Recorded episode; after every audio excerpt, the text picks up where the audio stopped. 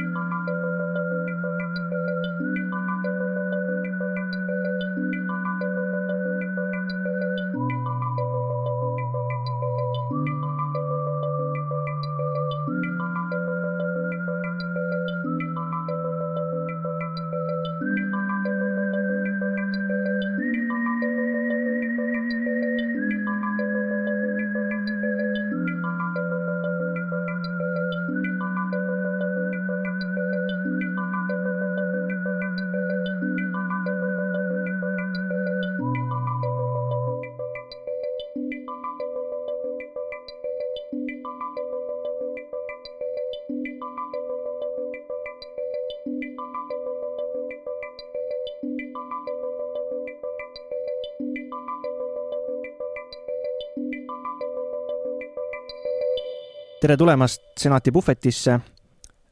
Jalmar Vabarna, muusik ja muusikaettevõtja, panin ma sulle täna tiitliks. Eh, siinpool Tallinnas on senaatorid Matis Leima, Laurits Leima ja Martin Eero Kõressaar ja Jalmar on Tartus, selline tehnikaime. igatahes tere tulemast kõigile!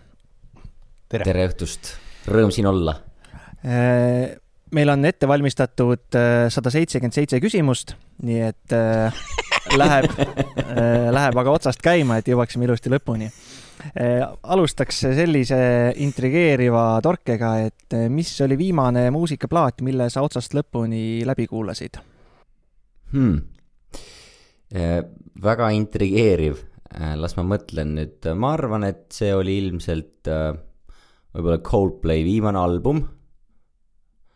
Ja, ja kuulasin seda Äh, streaming ehk siis voogedastuskanalites.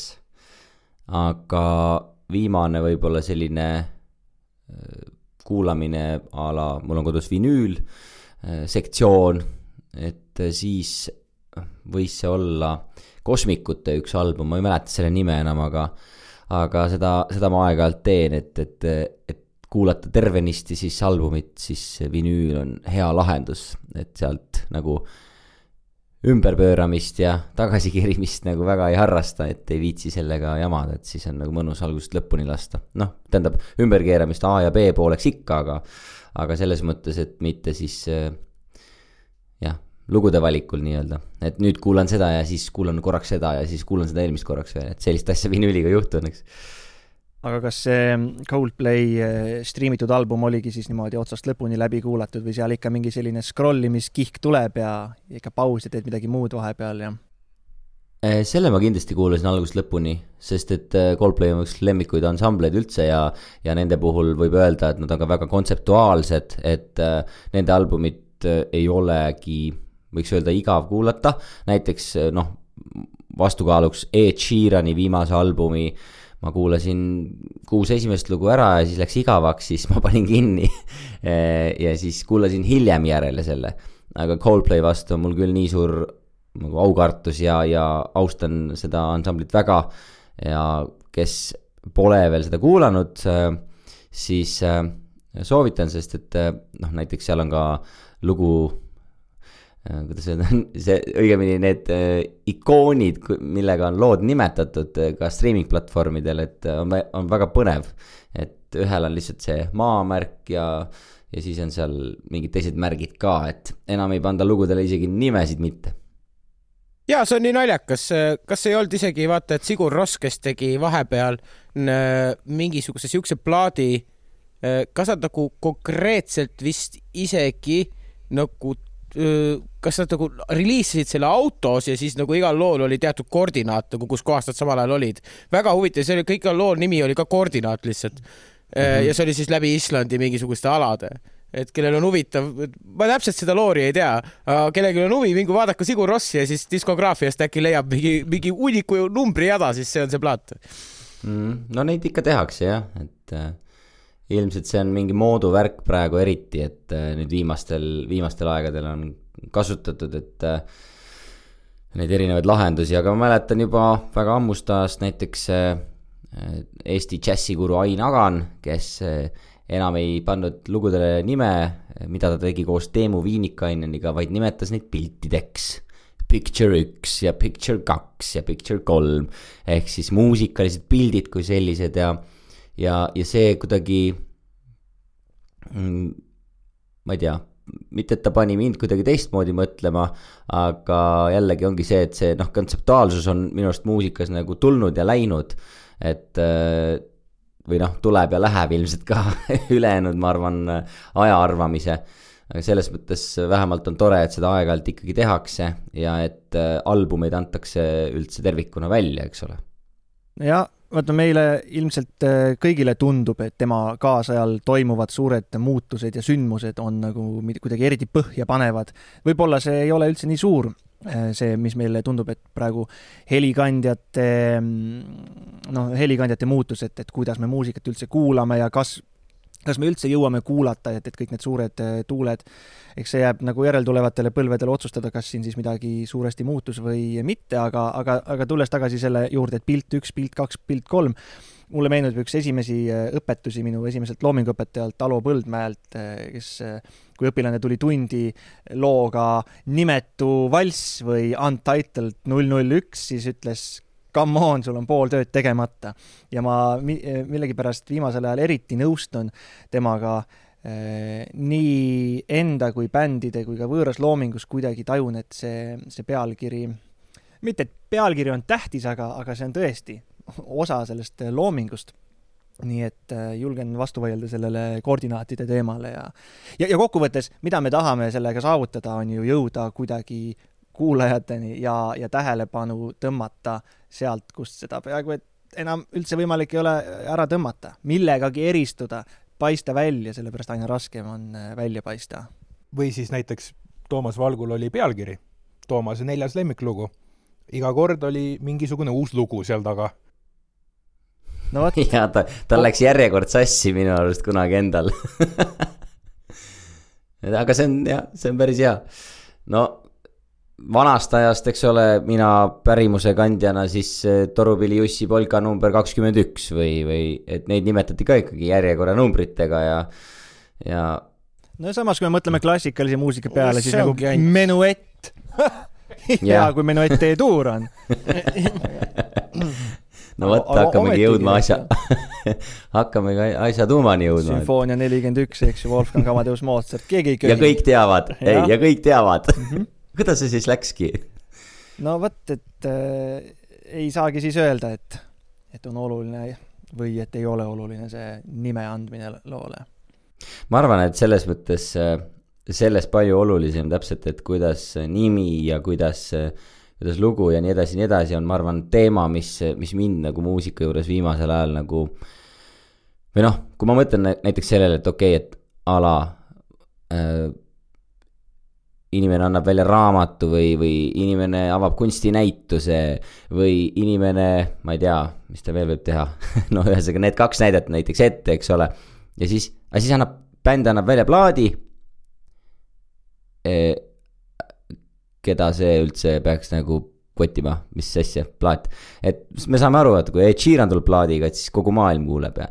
et, et mind on nagu viimasel ajal hakanud nagu kõnetama või no mitte kõnetama, vaid üldse nagu painama natuke see, et kas muusikat üldse enam, kuna seda tuleb nii palju, mis siis, et raamatuid tuleb sama palju ilmselt ka kunstinäituseid on väga palju ja maale tehakse palju, et kas muusikat üldse enam nagu hinnatakse kunstina ja võib-olla asi on lihtsalt oskustes, raamatut lugeda on lihtsam kui muusikat kuulata. muusika kuulamine on raske. vaidlen vastu. Muusikat peaks just olema ju väga, mõtle, kui noh, teed lihtsa loo ja mis seda siis kuulata ei ole. No aga muusika on ikkagi abstraktne nagu abstraktne maal, mida sa ei jaksa vaadata, kui sul ei ole kunstikogemust. sa lähed sinna, kus on sõnadega kirjas, mida ta tegi, kus ta läks, kes oli mõrvar. No raamatu puhul sa ju ka leiad raamatu, mis sulle meeldib, kui sa ikka ikkagi Hemingway ei istu, siis sa lihtsalt ei, ei loe seda täpselt samamoodi, nagu sa võib-olla ei kuulu ei kuula Nublut või, või Eminemi näiteks. no jaa, aga siin on ju ka raamatutes sa illumineerid kogu aeg seda, mida sa loed äh, mu-, muusikat kuulates, selleks peab ikka mingi teatud muusika, mis, mis, mis nagu väga tugevalt kõnetab sind, mis sul illumineerima hakkab, aga kui sa nagu retros kuulad sedasama lugu, mida sa oled kuulnud juba päris palju, siis väga nagu enam ei illumineeri midagi, et see, et, et see rimi seal auto aknas on palju põnevam juba täitsa võimalik jah. no ja ei, ma, ma vist, ma pigem nagu mõtlesingi kuidagi, mõtlesingi kuidagi seda vaata, et, et me oleme muusikas, no kujutage ette, et ma ei tea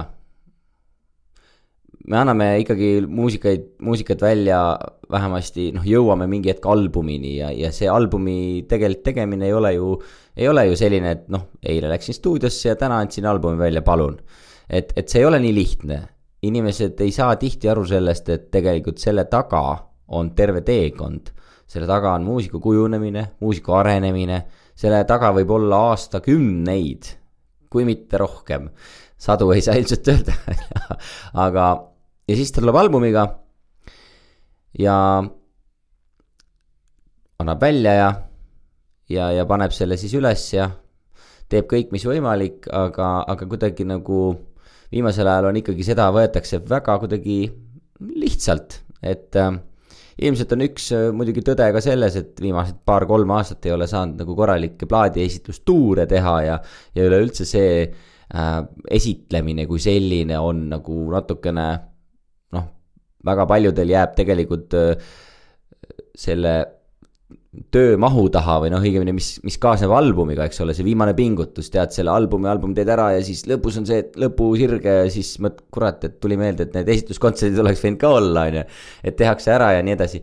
et ja, ja no teine asi on see, et lihtsalt tehaksegi ühekaupa muusikat, antaksegi välja singlitena ja, ja that's it, on ju.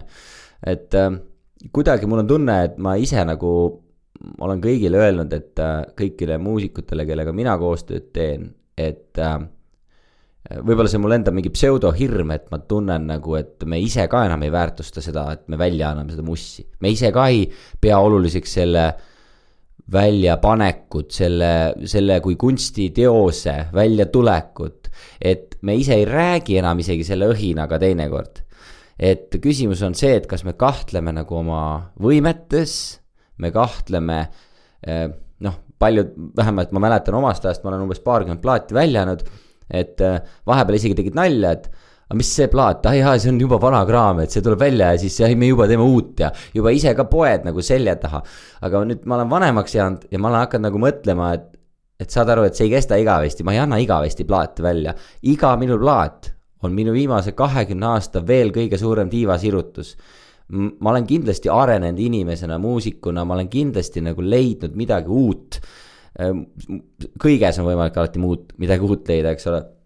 ja, ja minu töö seal, seal ongi see, et, et ma pean ise seda väärtustama, ma pean ise seda nagu enda jaoks nagu meenutama, et mis asi see on ja siis paneme asjad juhtuma nii, nagu ma mõtlen ja noh, selles mõttes olgugi jah, siis kui öeldakse, et sorry, et ilma reklaamirahata me sinu, sinu albumit tutvustavat kontserti selles telesaates ei näita või mis iganes, on ju. et see on juba teine sa-, teine nagu ooper üldse. aga nagu tihtipeale on ka see lihtsalt, et kui annad selle plaadi välja, et siis plaat jääb ruttu vanaks või, või kuidagi nagu loobutakse sellest, et, et see kunstiteos võiks nagu jõuda veel ja veel ja veel, et, et noh. Nii et sa oled nõus, et äh, helilooja või muusik, kes muusikat loob, peab olema enda muusika kõige suurem fänn? no peab jaa, ja, ja, see on loogiline selles mõttes, et neid äh, teinekord on muidugi ka, kui kuulad mõnda halba lugu, eks ole, siis on natuke kahju ka, et, et noh, see on muidugi loomulikult igaühe enda arvamus, on ju. aga et, et kas sina rõõmustaks selle loo üle, kui sina oleks selle loo autor või nii edasi, on ju, noh, see, see on mul on päris mitu lugu, mille üle ma ise na naer, nalja teen, et, et võib-olla see lugu oleks pidanud jääma tegemata. aga see on teekond, see on, see on minu kujunemislugu ja ma olen jõudnud siia praegu tänu sellele, et ma võib-olla ka selle loo tegin. Et selles mõttes äh, äh, jah, et ma lihtsalt nagu kuidagi tunnen, et me kõik muusikutena peaks nagu aru saama sellest rohkem, et me peame olema enda fänn, me peame tõstma seda oma loomingut äh, nagu noh, tänapäeval ei ole vaata midagi lihtsat täna me ei võistle lihtsalt, äh, ansambel Trad Attack ei võistle ansamble, ansambli Nööpiga või, või ansambli Senatiga, on ju. ansambel, ansambel Setod ei võistle Terminaatoriga, me võistleme täna kõigega, me võistleme teiste kunstivormidega.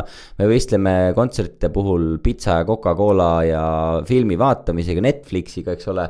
nagu üleüldse nagu kogu, selles mõttes kõige, kogu meelelahutusspektriga. et, et, ähm, et see, kui nagu noh, jällegi see tüüpiline muusik, eks ole, annab laadi välja, aga ei, ma ei hakka reklaamima, mis asja nagu see on, see, kuule, come on, see on, see, see toimib ise, see, see ise, see ise müüb. et, et ma saan aru nendest ka, kes on sellised, kes natukene nagu, ke-, kellel ongi võib-olla juba väga kindel kuulajaskond, kellel ongi kõik juba väga hästi ja nii edasi, nii edasi. et tegelikult see on ka täitsa fine, muidugi on fine aga kui me tahame nagu jõuda järjest laiema kuulajaskonnani näiteks ansamblitena, sellepärast et me samal ajal võistleme sellega, et me ei saa enam kontserte teha, plaati müüa ja meie ainuke, ainukesed sendid, mis me teenime, on streaming, streamingust, kui sedagi tuleb, eks ole. et siis, siis mulle tundub, et nagu ma ei tea, kas seal tunneli lõpus nagu on valgus või mitte, ma ei taha väga pessimistlikult kõlada, eks ole, aga me ei saa uskuda nagu seda, et seda valgust ei ole. me peame leidma selle valguse.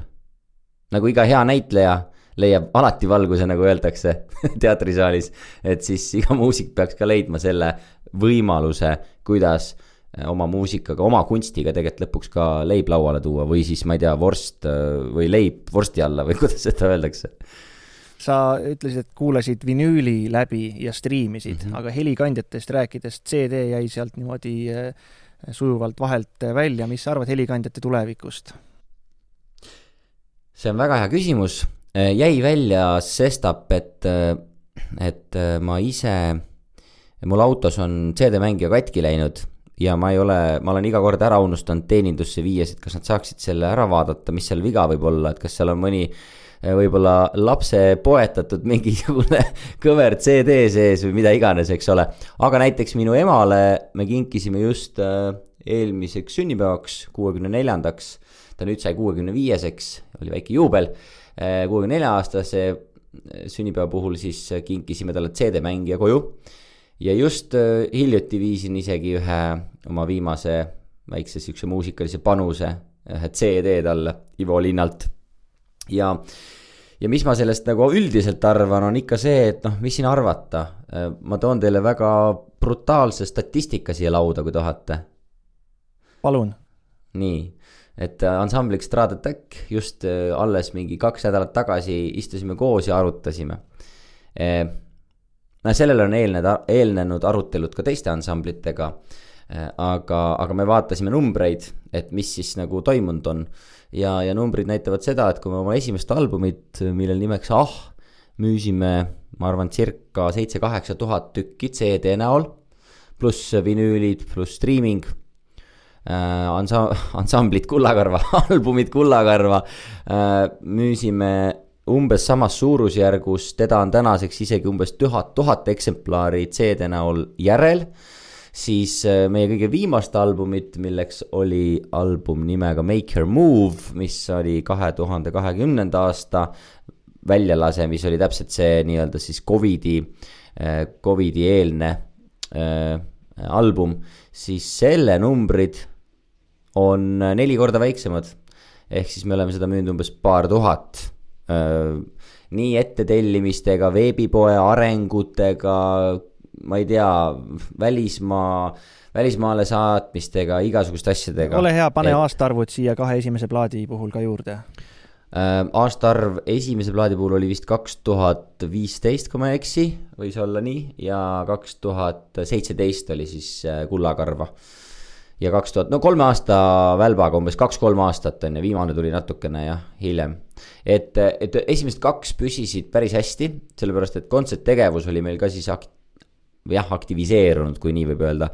Äh, kuigi jah, võib-olla mitte nüüd, mitte nüüd liiga palju, aga piisavalt mängisime päris palju välismaal, päris palju rohkem kui esimese albumiga. ja viimase albumiga me siis ei mänginud kontserte väga palju üldse Äh, aga jällegi toonitan, et kõik ju räägivad, noh, veebipoed arenevad ja kõik see, eks ole, et siis tegelikult aga samas jällegi striimingu numbrid oluliselt kasvavad, äh, aga noh, teadupärast ma just ju või noh, kes on senati puhvetit kuulnud, siis võib-olla on ka kuulnud episoodi Reigo Ahvenaga mina, mina sealhulgas. et siis seal on ju pikalt selgitatud et kui palju tegelikult muusikud striimingus siis teenivad. ja ma samas viimase Spotify statistika järgi, ma nüüd mingit arvutust ei hakanud tegema, seitse miljardit maksti muusikutele välja, noh, mitu protsenti sellest üle miljoni teenis ja mitu protsenti alla selle, siis see statistika on internetis olemas täitsa. et selles mõttes CD helikandjana tõepoolest on vaikselt, ma arvan, ikkagi minemas. ja Äh, ma ei tea, Matis, meie oleme ju ka bändikaaslased, me oleme ka seda teemat ju pikalt arutanud, et äh, kas me järgmist plaati, kuidas me teeme ja, ja noh, suure tõenäosusega vähemasti ma arvan, siin lähiaastatel me näeme ikkagi seda, et me teeme ainult nii-öelda limited edition'i ehk siis mingit väga piiratud kogust CD-sid. sellepärast, et äh, tahad teha seda nalja või mitte, et kui sa, ma siin mõni aeg tagasi, kui ma saatsin sellest Kullakarva albumi hunnikust seal toanurgas virnkaste, siis saatsin pildi eh, Eesti ühele tuntumale manager'ile nimega Toomas Oljum ja ütles, et eh, that's how musicians uh, or jah, et niimoodi, kui sa teed selle pildi ja loed kastid kokku, et nii saad teada, et palju muusiku netväärtus on et siis ta irvitas selle peale, et täpselt nii ongi, et meil kõigil on olemas neid kettaid, ma arvan, kodus lademetes erinevaid albumeid, siis ma ei tea, kas me järgmistega tahame seda viga korrata. Ehk siis eh, kas võime selle kokku võtta niimoodi, et streaming versus füüsilised helikandjad, eh, streaming tuleb, füüsilised lähevad, vinüülil niisugune väike nišierand jääb? ütleks isegi kasvav nišš, jällegi saan tuua statistika lauda, ah, vinüüli, ma julgeks väita, et üks kaks-kolmsada tükki, kullakarvat circa tuhat tükki, Make Your Movie circa tuhat tükki, kaks tuhat viisteist, kaks tuhat seitseteist, kaks tuhat kakskümmend, päris korralik hüpe, teisalt vinüüli tootmine kallis, samas vinüüli saab päris kallilt täna juba müüa. Äh, ma ütleks, et vinüüli äh, turnover vist või, või mis siis on kasum või mis iganes, et selle kasum on oluliselt suurem kui CD-l.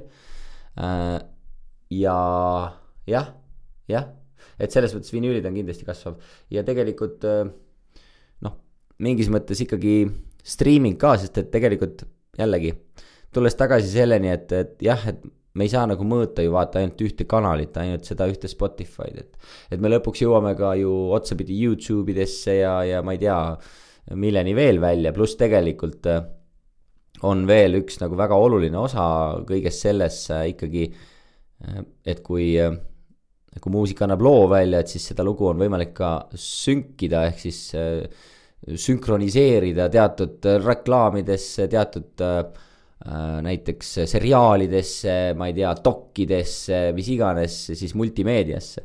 et äh, jällegi saan statistiliselt tuua lauda, et äh, mulle meeldib see juba. et statistika näitab seda, et ikkagi see,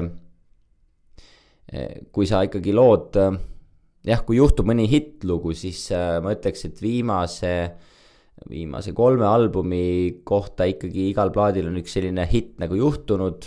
Näiteks Curly Stringsi Kauges külas, mis sai kunagi päris, päris toreda summa eest edasi müüdud, siis viimane Tradateki Armasta mind, mis tegelikult on, ma ütleks, mitteametlikel andmetel niikuinii üldse tegelikult Eestis kõige enim süngitud lugu ehk siis ainult üks lugu võib ka tegelikult toota olulist äh, nagu finantsi.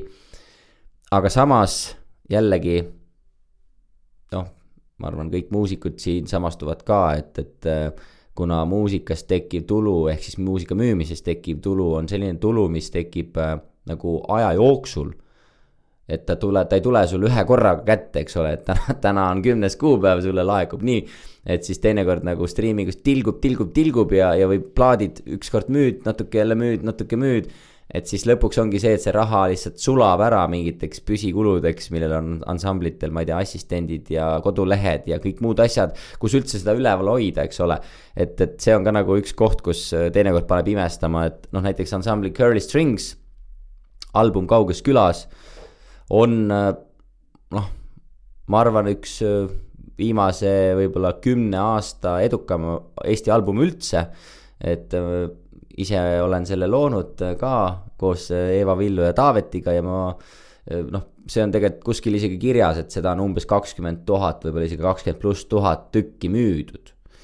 Äh, kui sa selle korrutad kümnega, ütleme roughly, et siis sa saad teada, et see võib olla tootnud kakssada tuhat eurot ja noh, selles mõttes loomulikult seal on omajagu kulusid, tootmiskulusid ja nii edasi, nii edasi, nii edasi, aga see on päris suur summa raha. Minu küsimus on, kus see raha on selles mõttes, selles mõttes, et ma ei, ma ei ole saanud osta ühtegi autot selle eest, mis iganes on ju, või noh. sa keegi... pole selle bändi liige, võib-olla sellepärast. ei, ei, ma, ma siiamaani saan osaliselt selle plaadi eest ka raha, isegi kui ma ei ole juba viis aastat selle bändi liige ja see plaat ikka müüb. aga lihtsalt ongi see, et muusikutel on üks tore, tore hobi, areneda ja, ja me kõik teab, teame, kui palju äh, igasugused vidinad hakkavad ka lõpuks maksma, et äh, ma just mingi päev mõtlesin sellele, et täitsa lõpp nagu. teenid seal mingisuguse väikse raha, loomulikult ostad jälle mingi uue helikaardi, jälle mingi uue ploki, jälle mingi uue asja, jälle mingi uue vidina, et äh, see et, et selles mõttes ma arvan, et kui muusikud investeeriks, võtaks selle ühe pilli teeks jube hästi kõik, on ju, investeeriks selle kuskile ma ei tea, kasvukontodesse, paneks sinna top sada ettevõtet ja siis ma ütlen, ma mõtlesin ise ka, et, et kui ma oleks nagu talu asemel hakanud investeerima, siis ma oleks täna, ma arvan, täiesti finantsiliselt sõltumatu inimene. aga, aga täna ma siiski ei ole et ma ei tea, kas muusikud on ikkagi lollid, et kas see ikkagi peab paika või või muusikutel on lihtsalt äh, huvi areneda ja osta endale muidugi uusi pille ja nii edasi, nii edasi. ei, aga see on ju lihtne, alati on üks pill puudu, alati on üks plokk puudu, alati on ja. täpselt just see asi, siis on mu pedalboard on lõplik rohkem ei muuda. see on see hea asi, millega kompenseerida enda oskusi ja harjutamisaega uute pillide ostmisega. aga, aga äkki see on ikkagist veidike, kuna see on nagu nii suur nagu töö ja sa kogu aeg annad endast nii palju ära ja nagu keegi sulle selle eest ju nagu präänikut ei anna, nii et see sinu see pedaal või see mingi väike asi jälle, sa tegelikult lihtsalt nagu annad endale präänikut nagu. ma olen küll nagu, et avastanud seda, et kui lõpuks on mingi keika läbi ja mingi palgapäev on käes näiteks või, siis ma nagu mingi scroll, scroll in kusagil drop D-s ja lihtsalt vaatan neid asju nagu, kas mul on vaja midagi nagu, ah, mul on küll täiega vaja midagi, aga ennem ma ei teadnud, et mul on vaja midagi. no klassikaline keeleost on ikka, paned sisse, aga ikka vaatad, äkki ma võtan midagi juurde, tead. suhkrut ei söö, aga noh, mingit pedaali ikka sööks ju, raha sööks no just jah, ja, ja selles mõttes ega bändi kontekstis nagu selleni välja, et sul on jälle vaja uusi pilte ja sul on jälle vaja neid uusi disaine, jälle vaja seda kallist videot ja kõike seda. et, et, et selles mõttes ongi nagu äh, muusika, ma ütleks, on üks äh, top nagu ärisid üldse maailmas, selles mõttes, et muusikaga on noh, kasvõi seesama Ed Sheeran, eks ole, üks hetk oled tänaval, teine hetk on sul kõige igavam elu maailmas, sa mängid ainult kaheksakümnele tuhandele miinimum kogu aeg et sa, sul ei ole enam seda struggle'it, aga, aga see hüpe võib olla nii rets, et sa üks hetk võidki hakata nagu räigelt teenima aga noh, enamus lihtsalt nagu tegelikult absoluutselt igas teises valdkonnas, ärimaailmas täpselt samamoodi. lihtsalt see ei ole kõigile, see ei olegi kõigile, et ma olen ise lihtsalt mõelnud seda, et et tuleb nagu, tulebki tegelikult ka, kui tahta saada nagu jõuliseks äh, selles osas, et sa tahadki ikkagi, loodad ka sellele, et et, et, muusika toob sulle ju leiva lauale ja hakkad pere ja siis tead kodu osta ja nii edasi, nii edasi, nii edasi ja samas tahaks nagu lihtsalt teha bändi ja ei tahaks nagu väga mingit tööd teha ja nii edasi, nii edasi, on ju. et siis ega muud ei jää üle, kui tuleb ka tegelikult teistpidi areneda, areneda ka inimesena, otsida ka nagu neid teadmisi, mida tegelikult võib-olla, mida sa ei ei teagi sellest kõigest. et ma just ise lihtsalt meenutasin siin ma rääkisin sellest aktsiatesse investeerimisest, on ju. selles mõttes ma, ma siiamaani ei ole äh,, ei ole ühtegi aktsiat konkreetselt ostnud.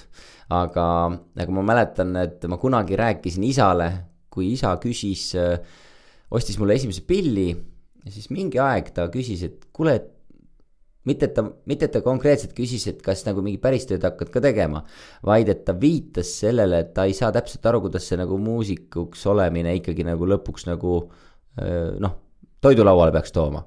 ja siis ma selgitasin talle seda kontsepti, et no sa teed loo, eks ole, teed loo ja see on sinu üks aktsia ma olin mingi teismeline nagu hilisteismeline. ma olin, ma hakanud bändi tegema ja, ja ma ei tea, kust ma selle teooria võtsin ja siis sa teed teise loo, eks ole see on sul teine aktsia ja saad aru, need aktsiad toodavad sulle elu lõpuni raha. isa vaatas ja kuule, vist ongi päris tark jutt ja, ja noh, tänaseks mul on üle, tänaseks mul on autorite ühingus üle kolmesaja aktsia. et ja mis toodavad täiesti, täiesti nagu selles mõttes noh, sta-, stabiilset, adekvaatset äh, ikkagi autoritasu, noh, loomulikult sellega tänapäeval ei elaks, ei ela ära selles mõttes, et kui ainult sellest elaks, seda ei ole nüüd nii palju. Äh, see on ikkagi nagu ka selline juhusemäng, et noh, mis raadiod, mis asjad sind mängivad, tead, see on selline asi, millest sa ise ei saa, sa võid, kui sa oleks kogu aeg pildil ja kogu aeg, ma ei tea, käid ühest saatest teise, siis, et oled populaarne, et ma usun, et siis tegelikult elab täitsa hästi ära aga põhimõtteliselt jah, et kui oled veel, ma ei tea, mõnel perioodil passiivsem ka, et siis võib-olla lennutatakse ühest raadiost välja ja nii edasi, nii edasi. aga no põhimõtteliselt ikkagi, tegemist on ju väga mõistliku investeeringuga, luua. vot. passiivsem periood. kus sul praegu on?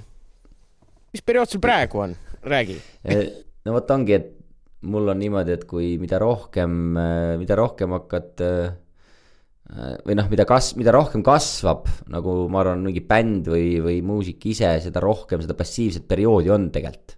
ongi nii, jah?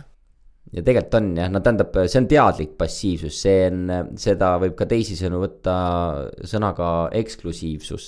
ehk siis et, et teadlik passiivsus, kuidas tekitada eksklusiivsust et see see on nagu oluline faktor, no näiteks ansambli puhul Trad Attack on see, ma ütleks, ja meie niši puhul ja meie nagu huvide ja kasvamise soovi puhul, et teha teha suurt kontserti, müüa tuhandeid pileteid, siis paraku me ei saa jah, iga nädalavahetus äh, kuskil äh, mingis klubis või, või mingis kohas avalikku kontserti anda. Ja, ja tegelikult ausalt öeldes ega ei viitsiks ka täitsa niimoodi, täitsa ausalt, see on, me oleme selles mõttes suviti mängime siin ja seal palju, eks ole, me mängime, me oleme mänginud päris palju välismaal mingil perioodil ja, ja sel aastal hakkame jälle vaikselt tuuritama nüüd, kui piirid lahti on. aga, ja sellest tegelikult see, põhimõtteliselt sellest tegelikult see passiivsus või selline jah äh, mõtteline passiivsus nagu ka tekkis Eesti kontekstis just. et, et Eesti turg on lihtsalt piisavalt väike, et siin ei saa nagu meiesugune artist nagu liiga palju tuuritada. et äh, me ei ole vist võib-olla lihtsalt selline bänd, et iga reede tead, laulad kaasa ja elu on lill, on ju noh, ma ei tea, võib-olla oleks ka, aga, aga, aga see on meie teadlik valik olnud jah, et tekitada seda, et, et luua pretsedente rohkem, luua nagu neid one time event'e ja, ja, ja tuua rahvas kokku ja panna nagu nad uskuma, selles mõttes, heas mõttes uskuma, et, et ka Eesti bändidel on võimalik ka Eestis suuremaks saada, kui ma ei tea, me siiani arvanud oleme. kas te Trad Attackiga praegu või ütleme, kui, kui ei ole seda koroonaperioodi, suures pildis, kas te teete plaate ja muusikat selleks, et äh, muusikat mängida, tuuritada või te käite tuuril, et äh, oma plaate reklaamida, et oleks jälle midagi kuskil müüa, raha teenida seeläbi ja noh, ka põhjust võib-olla siis veel midagi uut tegema hakata? No ikkagi viimased, ma ei tea, ma arvan, mingi viis aastat, võib-olla rohkem isegi. noh, selles mõttes see on muidugi igal pundil natuke erinev ka, aga, aga ma ütleks, et äh, suurem osa rahast tuleb ikka kontserttegevusest niikuinii. et äh, Trad Attacki puhul me kindlasti äh, jah äh,, plaat äh,, plaat on selles mõttes omaette jällegi selline äh, facelift või siis uuendus, eks ole, ansamblile. et kui me oleme näiteks täna juba käinud mingil festivalil ja ma ei tea, me kahe aasta pärast teeme uue albumi, siis meie agendil on jälle põhjust talle kirjutada, et kuule, et bänd on täiega uue hoo sisse saanud. et mis sa arvad, kas me võiks rääkida kahe aasta või kolme aasta pärast ka festivalist, eks ole. et see on selles mõttes äh, muusika ka ikkagi mingis mõttes äh, suhete äri, eks ole. Et äh, kui sa suudad ühe korra õnnestuda, siis sind kutsutakse tagasi ja kui sul on veel põhjus ka, siis on seda enam nagu asjal nagu mõtet et tegelikult me teeme, ma ütleks, et jah, et mu niikuinii, ütleme ausalt, et, et loometöö kui selline on ikkagi, ma arvan, nagu arengu kontekstis väga-väga-väga oluline töö. et äh, esiteks samu lugusid mängides, millest võib-olla väga-väga paljud ei lähe üldse nagu pealegi inimestele siis ikkagi bändimehed manduvad päris kiiresti ja siis hakatakse rääkima omavahel veidi hõõruma, et kurat, see lugu ei ole üldse, siis hakatakse vaidlema ja niimoodi need väiksed mured tekivad. aga kui seda loomesoont ikkagi vaikselt kogu aeg toita, midagi peale tuua, mingi uus projekt võtta, no näiteks viimasest albumist alates me oleme teinud Trad Attackiga eh, Maker Movie'st alates me andsime välja kohe järgmisel aastal eh, demode albumi Miniatures, Songs that never grew up ehk siis lood, mis kunagi ei kasvanud suureks. see oli meie mentori pealkiri. siis me andsime välja live-albumi, mille me tegime suvest.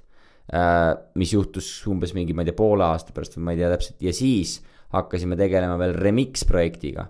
ehk siis me oleme kolm albumit vahepeal jõudnud välja anda ja nüüd hakkame salvestama just äh, homme algab meie esimene stuudiopäev, hakkame salvestama uut siis stuudioalbumit aga kas on vaja album just välja anda, no ükskõik, kas siis digitaalselt või füüsiliselt, et olla värske, saada see facelift ja anda põhjust eh, värskelt siis ennast kuhugi jälle kutsuda või piisab sellest, et sa teed uut muusikat ja, ja ei ole vaja sellist noh, natuke kunstlikku uut energiat eh, reklaamida, et võib-olla bändil on kogu aeg hea energia ja teevad konstantselt lugusid, et kas selline kontseptsioon on üldse nagu usutav? Ei muidugi, selles mõttes vaata aktiivne kontserttegevus on ka mingis mõttes loometegevus ju. et sa käid, sa mängid, sa, ma ei tea, võib-olla äh, tuunid oma show'd, teed järjest paremaks, et vanasti ainult nii käiski ja siis vahepeal annad mingi loo välja. et, et äh, ega me praegu ikkagi elame pigem jah, sellisel singli ajastul ju, et iga lugu. aga noh, näiteks ma ei tea, ma ise korraldan kontserte ka, on ju, et, et võib-olla kui ma mõtleks nagu niimoodi, et ma sel aastal hakkan festivali korraldama, ansambel Senat annab uue albumi välja, et kutsuks teid esinema ja. ja siis sa septembris kirjutad, et kuule, me teeme ühe uue loo ka, et äkki järgmine aasta tuleme jälle, on ju.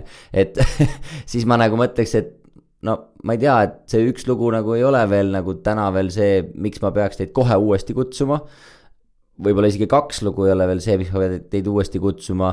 Te pole vahepeal üldse kontserte kandnud, miks mis kuradi pärast ma peaks teid üldse kutsuma, on ju, et mis asi see on, et, et see on äh, ikkagi jälgimisprotsess.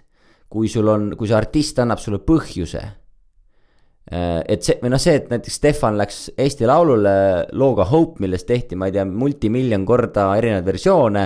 ja kui see on tema ainuke lugu viimased kaks aastat, siis paraku näiteks noh väga tore poiss ja, ja tore kamp ja mul on väga hea meel ta üle, aga minu jaoks näiteks festivali korraldajana ma ei näe siin veel seda, et ma nüüd julgeks kohe ta võtta tänu ainult sellele ühele loole. et, et ma ei näe, ma ei saa võtta, mul on väga paljusid äh, artiste jäänud selles mõttes head võtmata, sellepärast et neil on, neil on kolm lugu ma saan aru, et äh, loomulikult neil on olnud mingisuguseid kontserte, mida ma ei ole võib-olla isegi näinud ja kus nad on mänginud terve seda aga ikkagi need ei ole minu silma näiteks jõudnud, siis äh, ma ei tea, kas on mitte, et tegemist on nagu kehva turundusega, vaid võib-olla lihtsalt ei ole nagu minu jaoks olnud see vajalik seda muusikat tollel hetkel kuulata ja nii edasi, nii edasi, nii edasi. aga lõpuks ongi ühesõnaga, et, et, et see validation äh, hakkab nagu ikkagi, hakkab sellest, et sinu loominguline pagas on juba nagu noh, hakkab nagu, on muljetavaldav. et Smilersiga Smilersit ma võin iga nädal kutsuda igale poole, sest et neil on mingisugune tuhat lugu, mille seest valida, eks ole, kogu aeg. olla värske. et tänapäeval nagu artistide probleem ongi see tänapäeva singli majanduses just see, et, et mul on kaks lugu väljas. Sorry, aga mul ei ole su, ma selles mõttes, et tee, tee midagigi, tee kasvõi siis näita, näita siis kuskil full live'i, aga me lähme täna telesse ka oma ühte lugu presenteerima meil ei ole võimalik kuskil isegi mängida pikemaid kontserte et see ongi nagu natukene kurb mingis mõttes, et uutel artistidel ei ole tegelikult, ühtpidi on väga lihtne Eestis kuulsaks saada. et äh, ma ei tea, no vähemasti või mitte Eestis, võib-olla siis elu kahekümne neljas selles mõttes, et, et, et äh, päris terveks Eestiks ei saa seda nimetada, aga põhimõtteliselt, et käid ühes telesaates, teed, teed mõne eksklusiivse intervjuu, käid teises telesaates, käid natuke raadios, lähed Eesti Laulule ja voplaa, on ju, oledki, oledki kuulus põhimõtteliselt mingiks ajaks. aga mis edasi saab, seda jah. kas siin on siis selline soovitus noortele, võib-olla alustavatele bändidele, et raha nagu rohkem kui üheks-kaheks singliks, äh, et salvestada ei ole.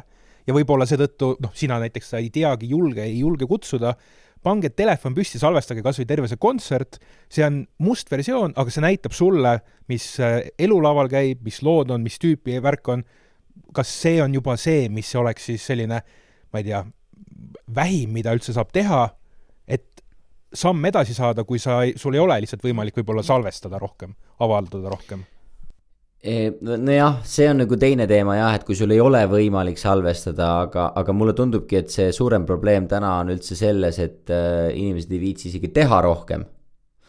et, et see on nagu suurem probleem minu jaoks, et, et ka tegelikult popartistide puhul. tulevad popartistid, teevad, saavad telesaates kuulsaks, aga ikka aasta aja pärast on ka ikkagi veel neli lugu.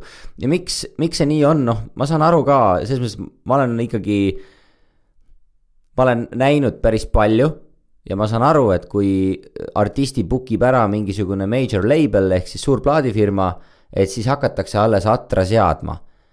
ja siis jõutaksegi selle järgmise looni alles aasta pärast, võib-olla pooleteist aasta pärast.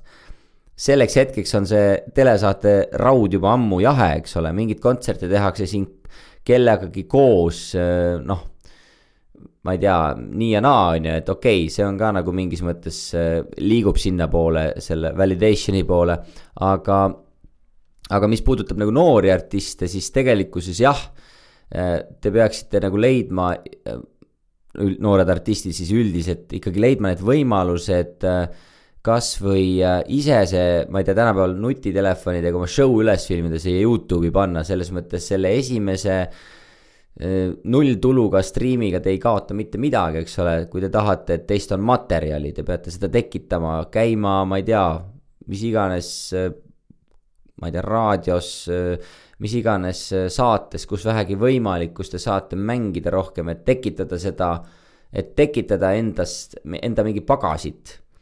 ja noh, muidugi selles mõttes kõige, kõige parem olekski, kui, kui ikkagi nagu näha vaeva ja tõesti, meil on täna ju väga mitu platvormi a la nagu Hooandja ja, ja, ja siis või noh, tähendab, see ongi suhteliselt ainuke, millega saab vähemasti siis näiteks selleni, et saab plaadi välja anda, anda.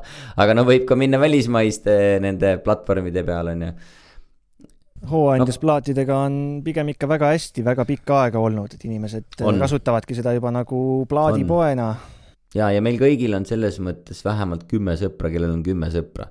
see, et sa teed ühe postituse ja loodad, et nüüd kõik kohe on sul sabas, sellest ei piisa teinekord. Äh, teinekord on vaja nagu rääkida otse ja teinekord on vaja nagu saata ja, ja, ja või siis ma ei tea, helistada sõbrale ja, ja keegi ikka kedagi tunneb, eks ole, et see summa kokku saada ka seal, sest et ega no ja ma ei tea, ma plaate ei ole nii palju jälginud, aga, aga noh, eks seal selles mõttes ikka õnnestumise protsent on suur, selles mõttes küll jah.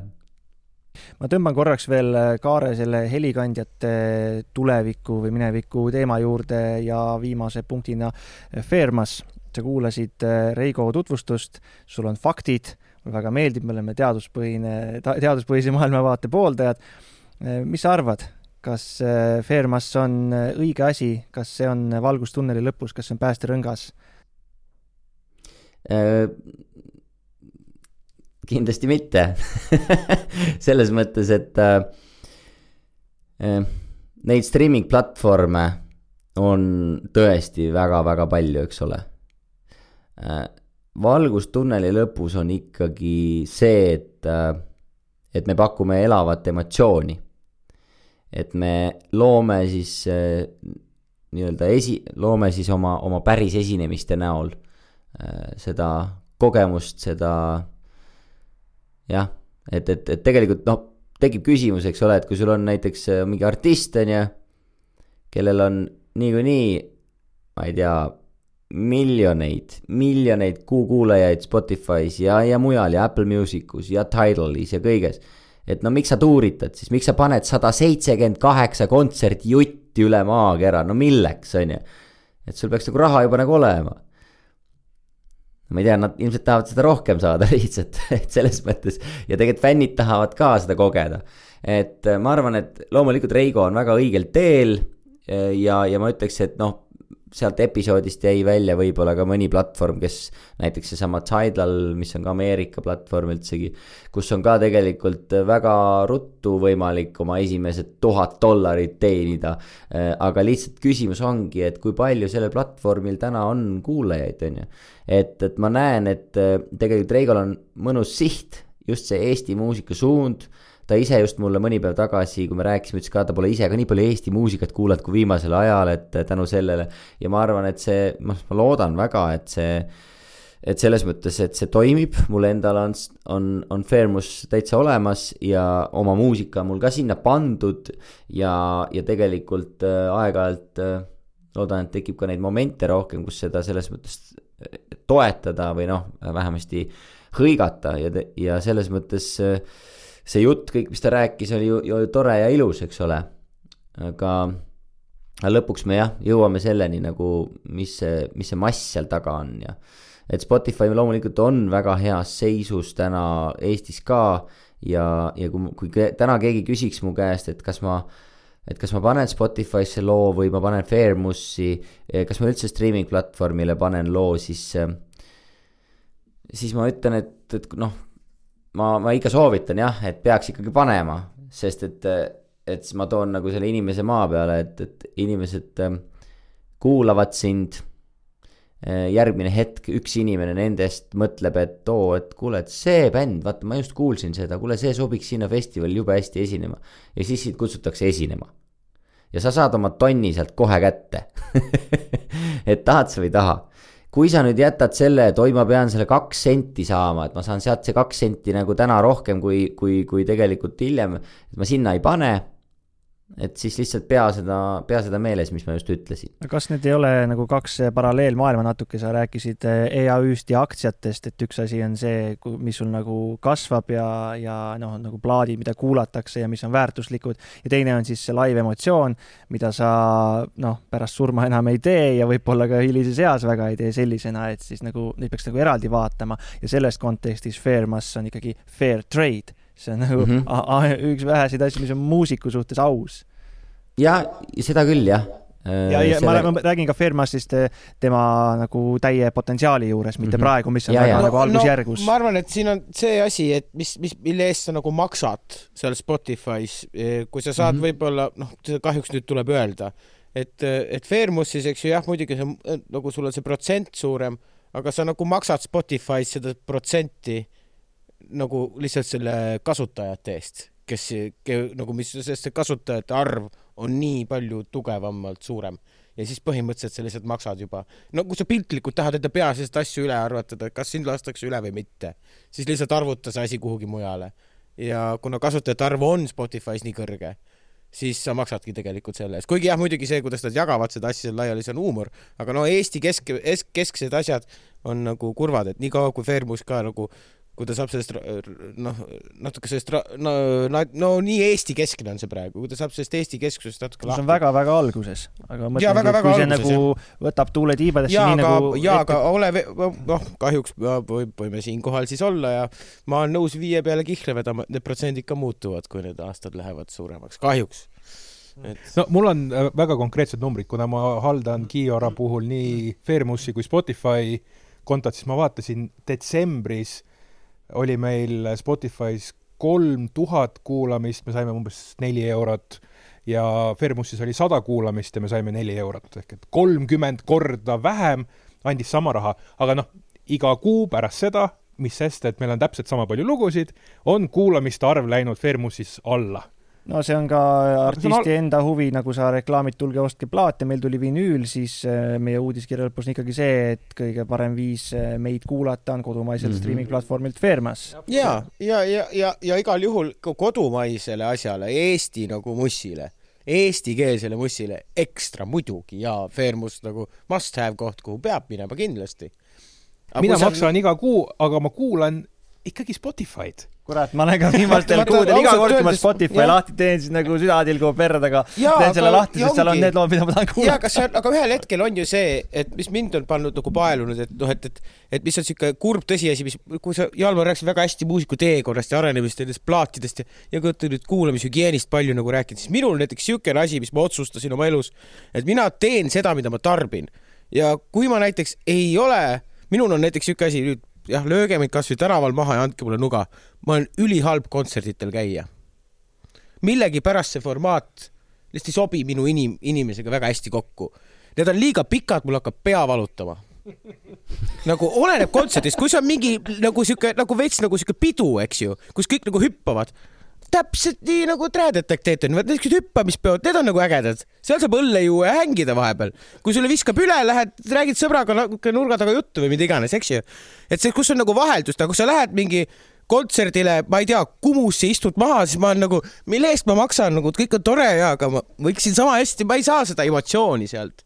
ma saan omale ainult kohustuse sealt ja pluss ma niikuinii annan oma elust sealt kolm tundi ju kokku, lisaks sellele kontserdile poolteist tundi transa ja kõik muud asjad, et ma sinna tulen ja lähen, eks ju, et noh, et, et siis lihtsalt ongi, et ühel hetkel on juhtunud see, et kui ma valin, eks ju, kui sa ütlesid, et me võist-, võistleme Netflixi ja sellega, eks ju, mis on nagu väga hästi tegelikult öeldud, aga teistpidi ka mõtleb mõne inimesega, kes ongi oma peas, et aga mida ma tegelikult tahan teha kas ma olen halb inimene, ma olen ennast nii palju nagu süüdistanud sellepärast, et ma ei käi kontserditel näiteks, eks ju, onju. Ma ja süüdistanud, aga mida vanemaks ma saan, seda rohkem ma saan aru, et ei, ma ei ole süüdi, lihtsalt mulle ei sobi.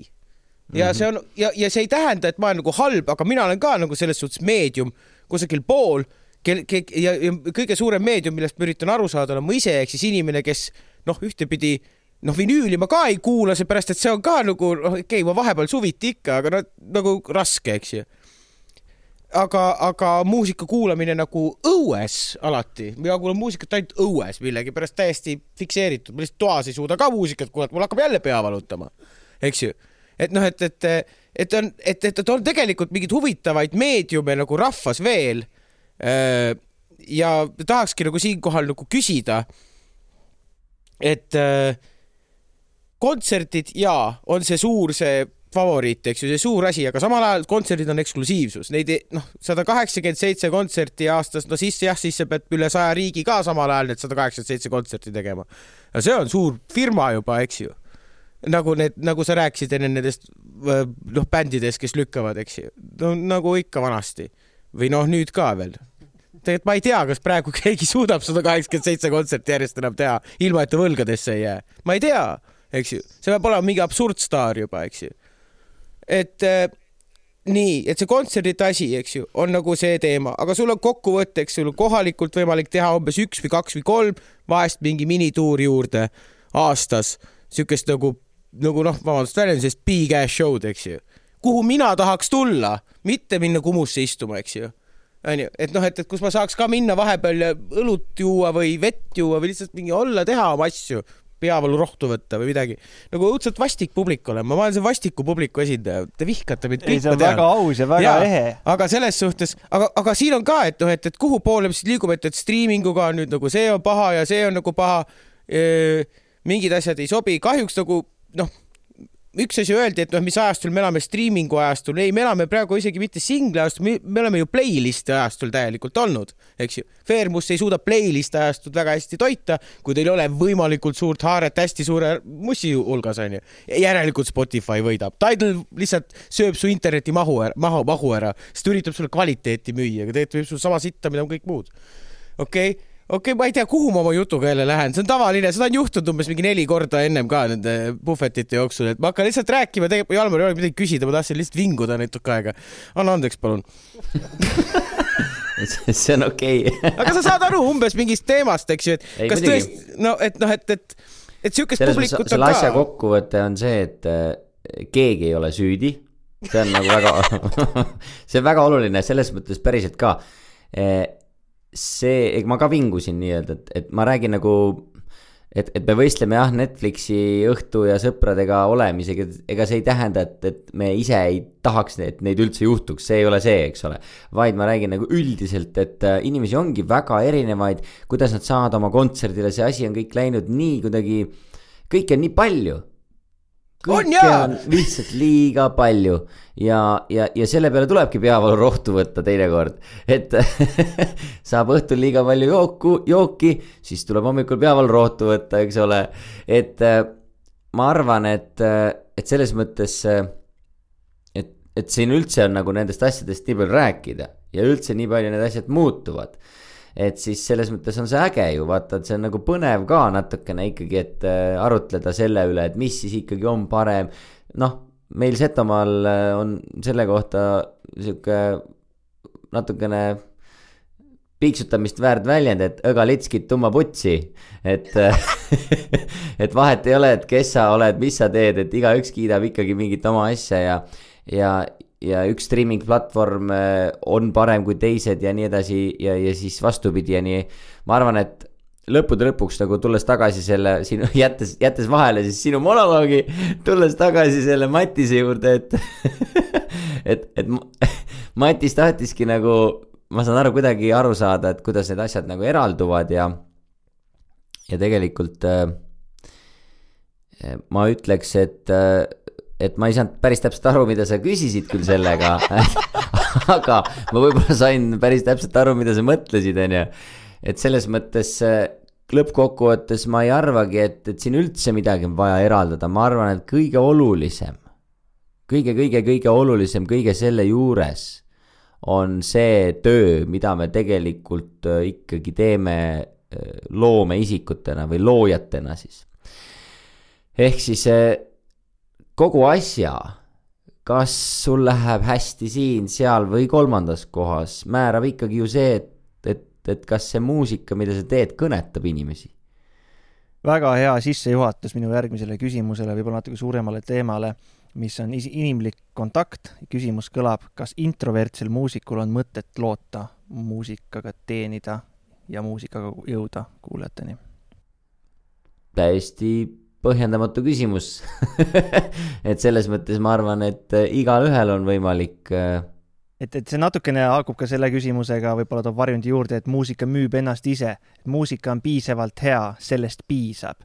ometigi äh, ja. me peame ju retsilt tegema, eriti noh, mida aega edasi, seda rohkem ja sa tead ise noh, ma julgen nagu arvata, et sinu nagu jõudmine muusikaettevõtlusse ongi saanud ju tuule tiibadesse sellest, et sa oled ise proovinud oma noh, loojana jõuda siis publikuni ja, ja, ja laiema kuulajaskonnani ja noh, see ei ole ju lihtsalt, et muusika on hea, ma keskendusin loomingule, sa keskendusid väga palju muule, võib-olla isegi rohkem. jaa, absoluutselt, sellepärast et ma olen jah, võib-olla noh, ütleme niimoodi, et mingis mõttes mingil hetkel nagu tundnud seda, et peab nagu võistlema või kuidagi, eks see on minu loomuses ka olnud, eks ole aga näiteks jällegi noh, ma ei tea, ma ei ole näinud, et Arvo Pärt väga palju võimleks, eks ole. aga ometigi tema muusikat mängitakse üle kogu maailma ja, ja ta on, ma arvan, väga edukas selles mõttes muusikuna, ta küll ei käi, ei käi võib-olla tuuritamas, aga, aga selles mõttes noh. aga kas me teame, kui palju ta võimles võib-olla viiskümmend aastat tagasi? no hea küsimus, ei kujuta ette tead, aga ma mõtlen nagu üldiselt lihtsalt see, selles mõttes jah, me oleme täna rääkinud, vaata, ma mingi hetk ka rääkisin sellest, et, et just nimelt, et vahet ei ole, kes sa nagu, mida sa mõtled ja nii edasi ja nii edasi, et tegelikult tegelema peab, tegelema peab anyway. et, et üks asi on see, et sa nagu, ma, mida ma silmas pidasin, on see, et isegi kui sa oled introvert isegi kui sa ei taha minna publiku ette, siis selle loo pead sa ikkagi ju välja panema, selle loo pead sa välja saatma äh, keegi võib seda sinu eest teha, kuule, et minu muusika jõuaks raadiotesse, sest et ma ei tea, see lugu on seda väärt või et see lugu peaks seal kõlama siin või seal, ükskõik. et selles mõttes äh, päris nii vist ei saa, et, et selle loo seal kodus valmis, eks ole, hullult keskendud loomingule ja siis arvad, et universum tuleb ja ma ei tea tuleb kosmoselaev, korjab selle ise sul sealt üles ja, ja viib selle kuskile ära, viib Fermussi selle et ise, iseenesest see oleks päris hea sihuke turundusstrateegia, et tuleme ja korjame su loo üles. et see on nagu vanasti käidi pärimust kogumas, on ju aga, aga, aga no selle töö sa pead ikka ära tegema.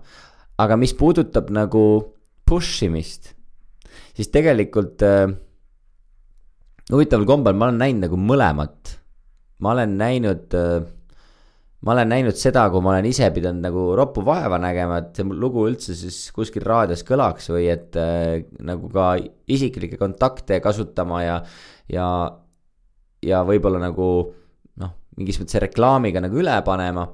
Ja siis teisalt olen siia olen... ma pistan vahele, ongi see nagu introvertsuse küsimuse osa mm,. et nagu siis. sellega, sellega seostub isiklik kontaktid ja selline üle push imine ja, ja need, mida nagu noh, mõni ei nagu oska ega julgegi ka, no see ei ole nagu tema loomuses kaugeltki. häbitu enesepromo on asi, mida introvert vist ei tee niimoodi ja. loomulikult. et see oli siia, siia vahele lihtsalt, et kuidas see, mu küsimus nagu seostus sellega mm -hmm.. noh, selles mõttes äh, jah, tõsi, et, et seda äh, seda ta ei tee jah. ma ütleks, et nagu stardipositsioonid ei ole võrdsed jah, seda ka jah ütleme niimoodi jah, et ma olen võib-olla siis ole, olles selle töö ära teinud, siis näinud seda, et mõni lugu nagu iseenesest on esiteks näiteks rahvas kõigepealt hakanud, rahvas on hakanud seda laulma ilma, et ma ei tea, üldse keegi kuskil kellelegi midagi ütles, et kuulge, laulge või nii, on ju. ja siis saad aru, et okei okay,, et siin selles loos lihtsalt on midagi, mis teeb selle, ma ei tea, hitiks või mis iganes. minu jaoks nagu veel suurem küsimus on üldse, et, et tegelikult ju mida keegi üldse taotleb et mida keegi üldse nagu tahab saavutada, sest et see maailm on ju täpselt veel mingi omakorda kosmiliselt suur, et, et, et kuidas üldse keegi mõtleb. Eh, introvert võib-olla täna üldse ei, mitte ei mõtlegi, et ta üldse tahaks näiteks või noh, et milleks mulle vaja, eks ole, seda ämmamori maja et, et ma ei tea, ma ei oska nagu, ma ei oska kuidagi nagu rohkem seda isegi kommenteerida, et, et, et, et et kas siin ei ole kindlasti nagu mingisugust äh, tohtrirohtu, et äh, millega nagu seda suurt küsimust lahendada, et iga inimene peab lõpuks ju ise ära tundma. et, et ma tean väga palju introvertseid muusikuid, kes teevad väga head mussi, aga väga vähesed teavad nendest ja mulle tundub, et nad naudivad isegi seda. aga introvertne muusik, kes tahab oma tegevusega teenida keskmist kuupalka ja. jaa, aga ma ei usu, et introvertne muusik tahab keskmist kuupalka tegelikult teenida, ma ei tea, kas see on, kas või tahab või? ma küll tahan. No siis on ainuke lahendus on leida endale Siin... keegi appi tegema seda asja, mida sa introvertsi inimesed. ja maksad sa talle millega no,? Nende plaatidega, mis aga... seisavad seal teil kaks keskmist kuupalka. maksad talle CD-dest niimoodi, kolm ja. tükki päevas maksad talle et muusik mu,, muusikutöö on ikka, et kuidas see meil bändikaaslane Viskar Jaanus ütles, et, et, et muusikat võid ju teha, aga raha pead ikkagi ise teenima või kuidagi nii ma äh, üritan kiiresti otse tõlkida inglise keelest ühe sellise lõigu raamatust Big Magic, mida ma loodan, et sa oled juba lugema hakanud minu soovituse peale. veel aga, ei ole, aga, aga on listis, jah.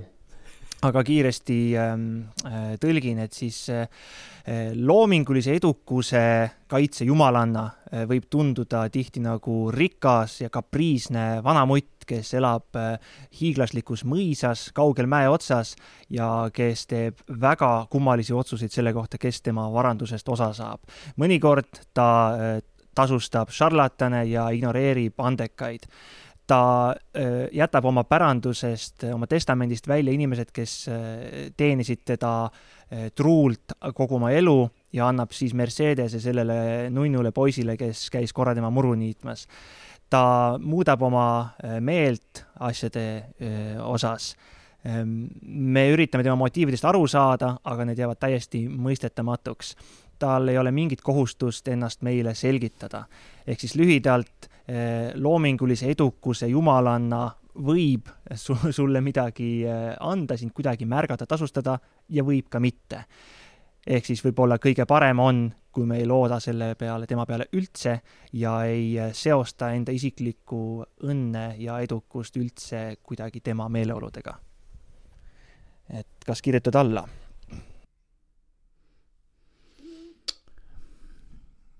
mm.? Või kõik ei ole nii juhuslik ikkagi? teate, jah, ma mõtlengi seda, et näiteks Pharrell Williams, teate kõik, eks ole, see tüüp, kes kirjutas sellise loo nagu Happy.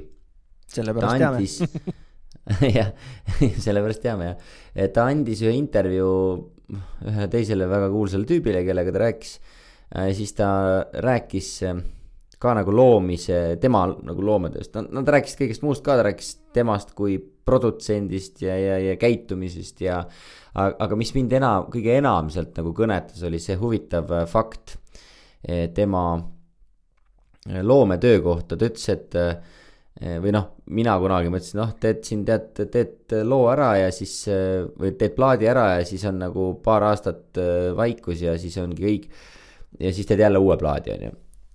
ja mida ma olen ise oma elus püüdnud või noh, vähemasti proovinud hakata muutma rohkem, ongi see, et mis, mis Pharrell ütles, et, et kui sa tahad päriselt ikkagi, et juhtuks neid häid lugusid, siis sa pead seda loomesoont kogu aeg torkima. et sa pead teda kogu aeg hoidma aktiivsena, sest et loome seal soones ei voola kui, kui sa seda soont nagu ei kasuta. ehk siis noh, saite aru ilmselt, eks ole, ehk siis nagu loometööga peaks nagu kogu aeg tegelema. ja, ja, ja, ja, ja tegelikult nagu olema selles ja siis teistest tarkustest ikkagi seesama, et, et, et kuidas saavutada seda või noh, kuidas nagu liikuda edasi, kuidas teha tegelikult eelmisest albumist veel parem plaat ja nüüd järgmise näol või siis, või siis eelmisest loost parem lugu. et, et äh, ma olen ise nagu mõelnud seda, et teinekord nagu on see loomesoolikas ikka väga kinni ja, ja, ja siin ka ühe, ühte tellimustööd täites sain aru, et kurat, et ikka mitu päeva läks aega, enne kui üldse tulema hakkas midagi, enne kui üldse nagu midagi tulema hakkas, mingisuguses sitase loo oleks vorpinud seal samal õhtul ka ära, eks ole. aga lugu, millega ma nagu ise rahul oleks lugu, mis mul endal nagu hakkaks kummitama, lugu, mis nagu päriselt kuidagi mõjuks. See nagu ei ole selline lugu, mis tuleb selle, sellest lihtsalt kohe ühe õhtuga, on ju, ja noh, väga selge, mõtlesin, mis ma nüüd viimasel ajal üldse teinud olen, siis sain aru, et ma pole tegelikult mitu kuud nagu üldse loomisega tegelenud. et ja siis ma sain aru, et okei okay, aga oi jama, kui seda aega loomiseks üldse ei olegi, et nagu, et teedki vaata igast muid asju ja teedki seda igapäevatööd ja, ja ja käidki seal tööl ja, ja oledki kuu aega tegelikult oled rakkes üldse muu asjaga, siis lähed bändiproovi, vaatad, kurat, mitte midagi ei tule nagu jälle ei ole mingit head lugu, et ma ei tea, asjad ei liigu, onju põhimõtteliselt äh, tegid siukse kaudse tõlke järgmisest lõigust, mida ma oleks lugenud sellest samast raamatust, et ja, väga hea no, just siis... generally really busy, that you aren't receptive to inspiration. vot, väga õige.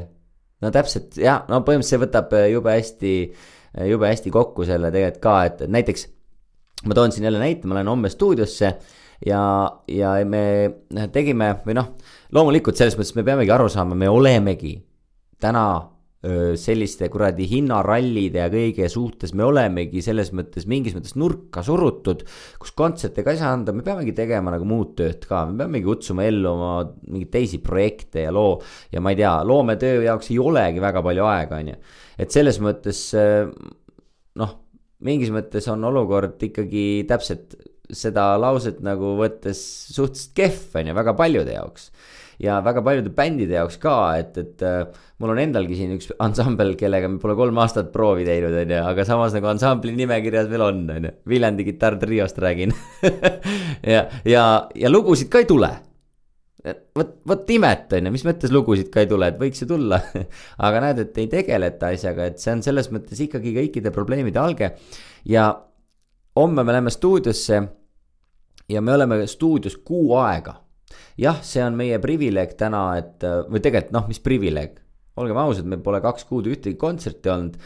meil on jätkuvalt päris suur laen bändil ja nii edasi, nii edasi, nii edasi, eks ole, et me võiks ka mingis mõttes nagu hoopis äh, selle asja kurvemast poolest rääkides, rääkida, aga kuna me oleme optimistid ja me ootame väga seda sessiooni jälle, me teame, et meil on, meil oli tegelikult üks sessioon ka varasemalt novembris terve kuu aega Jutti stuudios.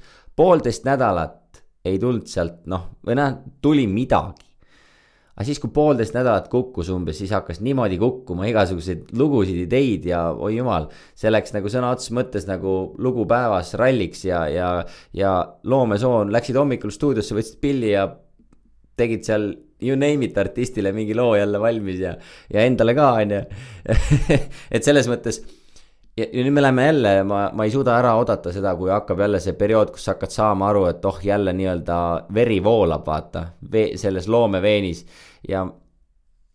ja meil on aega selleks, see on nagu kõige põhilisem, meil on aega seda teha, meil on, okei okay,, meil on õhtuti on koduelu ja lapsed ja nii edasi, aga meil on nagu päeval see viis-kuus tundi, kus me saame süvenenult tegeleda sellega, et me oleme stuudios, me loome lugusid, me hakkame ka salvestama mingi hetk. ja ja eelmist albumit, kui me tegime, äh, siis me tegime ka nagu kolm kuud, äh, mitte küll jutti, aga niimoodi, et nädalas mingi neli päeva praktiliselt tegime kogu aeg, käisime proovis, saime kokku. ja see on nagu täna kõikide bändide kõige suurem probleem, et ei ole võimalik nagu väga kokku saada. Ja noh, loomulikult juhtub, tehakse, selles mõttes vaata, me teeme lood ära ikka mingi hetk, et lood saavad ju valmis ja küsimus on nagu selles, et kas need lood on ka ikkagi nii head, on ju, noh, see selgub muidugi hiljem ja nii edasi. et uue loomingu üle on meil kõigil väga suur heameel, alati, me teeme uut lugu, jumala äge, on ju aga minu arust see suurem küsimus on, et kas see lugu tegelikult on nagu eelmisest parem või, või, või on ta mingit teistmoodi või, või, või kolmandat moodi. et, et tegelikult jah, seesama, ütle veel see lause. aa ah, jaa, you are just generally really busy and you aren't receptive to inspiration mm. -hmm. et noh see poisid vajusid diivanile maru sügavale, et ma ei tea, kui tihti teie... väga rets, ma võiks panna terve paksu anekdoodi raamatu kokku sellest, kuidas äh, viimasel ajal ma olen bändidelt kuulnud, äh, millistel viisidel nad ei ole suutnud bändilaagrit erinevate ajaperioodide yeah. jooksul kokku leppida, mida mõõdetakse üldiselt aastates. ja siis yeah. on veel teine asi on see, et, et, et, et kui sa oled nagu rohkem sihuke mingi noh, sideman, eks ju, siis sul on mingi päris palju neid punte, eks ju. ja kui yeah. kõik peaksid saama niimoodi tähele, tähelepanu, et mingi, mingit creative juice'i siin näeks, eks ju, on ju normaalselt nagu peale mingi hädavajaliku teema nagu, siis, siis ei oleks ju enam mitte kusagil seda aega, et nagu tööl käia. ma näiteks teen kümme aastat autojuhilube, noh. Jesus, ma proovis, noh no ma räägin, et noh, et, et see on nagu, see on umbes midagi sellist, et kõik, kõik, kõik asjad nagu tahavad seda tähelepanu ja, ja., ja ei saa ja see pinge lõpuks teeb nagu haiget tegelikult lõpuks, et, et ma, ma nagu kujutan ette, et noh, et sa lähed praegu sinna stuudiosse, ongi, aga noh, aga siin on ka, et, et, et see ohver on sul toodud, eks ju, et Viljandi kitarritrio on ohver, no et et kahjuks ju, oleme ausad, ta on ohver. ja oleme ausad jah, selles mõttes ma just äh, alles hiljuti tegelikult vaatasin järele selle Queen'i filmi, eks ole. ja, ja Freddie Mercury sai oma sooloalbumit seal, ma ei tea, mitu kuud teha, okei okay,, kes kuidas seda aega kasutab, eks ole, et kas sa korraldad kuradi orgiaid. Või, või, või sa, või sa nagu teed päriselt mussi, on ju, et see on nagu igaühe enda valik.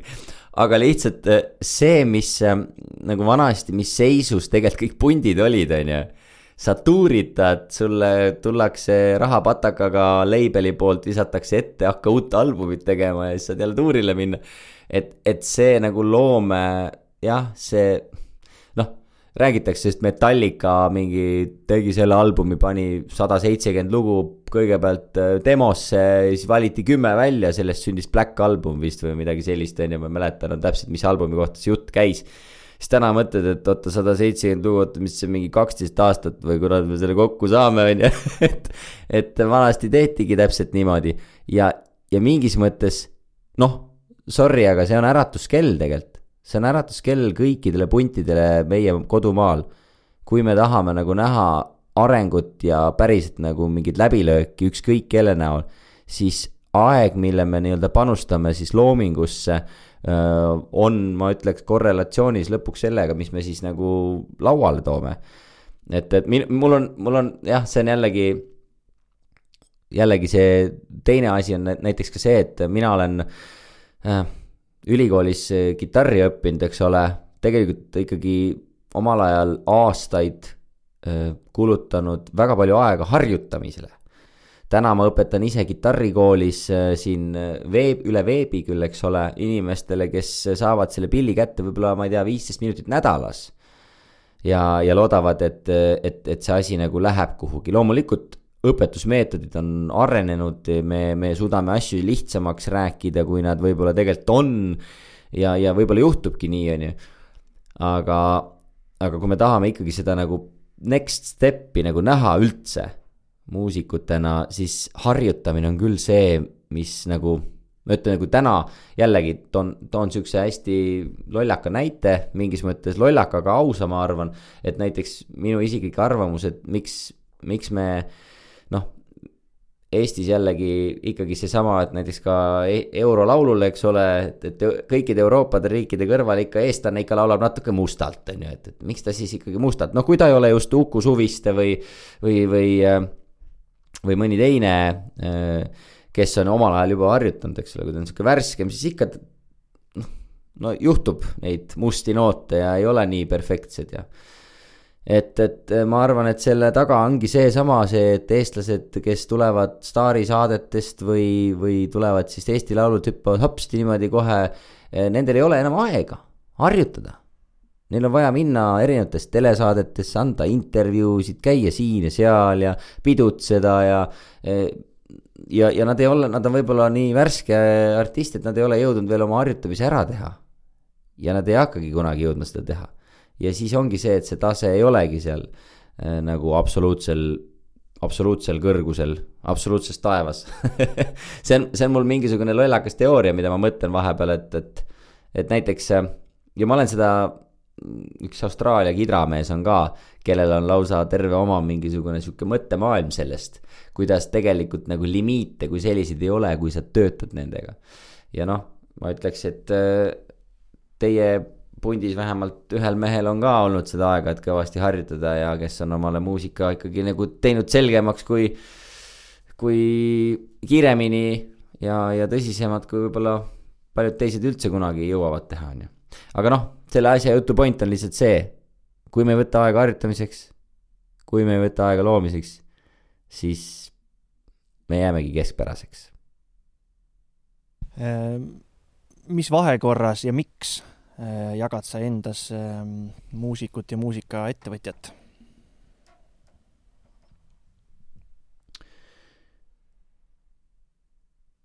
hea küsimus.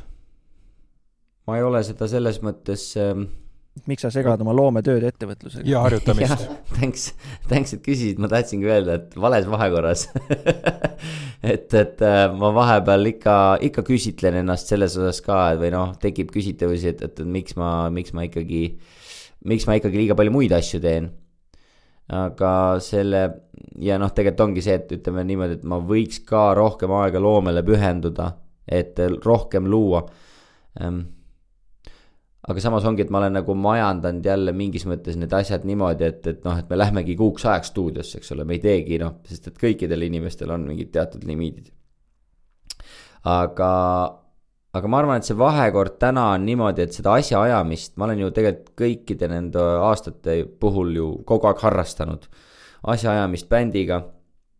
ja nüüd, kui on nagu ka äh, tekkinud äh, veidi suurem vastutus ma ütleks, Treski festivali ala näol siis üldiselt kultuuri kontekstis, et siis ma arvan, et see kultuurikorraldaja ja, ja muusikaettevõtja roll on minus äh, saavutanud isegi võib-olla et enamuse. Äh, aga jällegi ma ise näen seda, et ma pigem tegelen mingite projektidega natuke periooditi, mis tähendab seda, et näiteks ka kuigi jah, ütleme nüüd esimesi aastaid ma pingutan, ma hakkan äh, suviste kontsertide korraldamisega tegelema juba sügisel, on ju. aga ma arvan, ma tulevikus näen seda, et, et see meeskond areneb koos minuga äh, nii kaugele, et mul pigem nagu jääb seda aega olla looja ja aega olla muusik järjest rohkem kätte.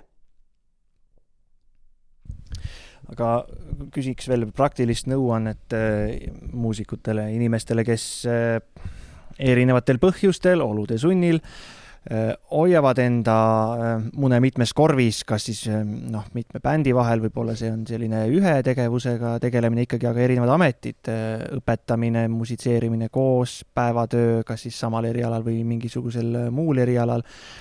et ähm, noh et väga palju põhjusi on, miks sa ei saa võtta kuu aega endal lihtsalt äh, vabaks ja, ja minna tegelema loometööga. et äh, see on mõnes mõttes nagu nõiaring ka, et mm, -hmm.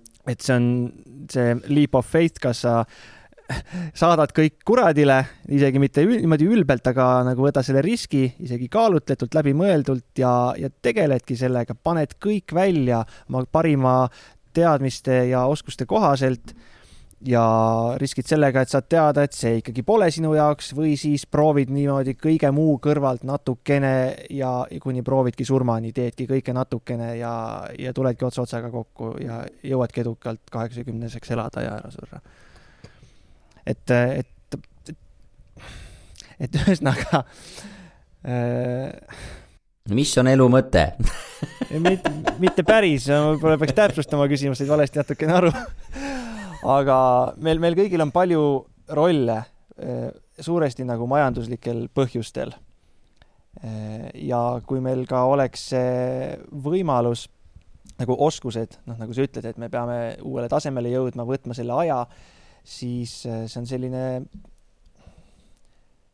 suur risk, et kas see on ainult julguse küsimus ja, ja selle teadmise küsimus, et seda tuleb niimoodi teha, tuleb nagu täiega ette võtta või äh, ei ole see lihtsalt tegelikultki nagu väga võimalik? kuule, kaks niisugust toredat lauset äh, kahe prominentse muusiku poolt tuleb äh, kohe see sellel samal teemal, et äh, üks on Jaak Sooäär, kes ütleb, et alati peab üks õpetamise keika sul ikka taskus olema, et ega muidu Eestis hakkama ei saa vist nagu.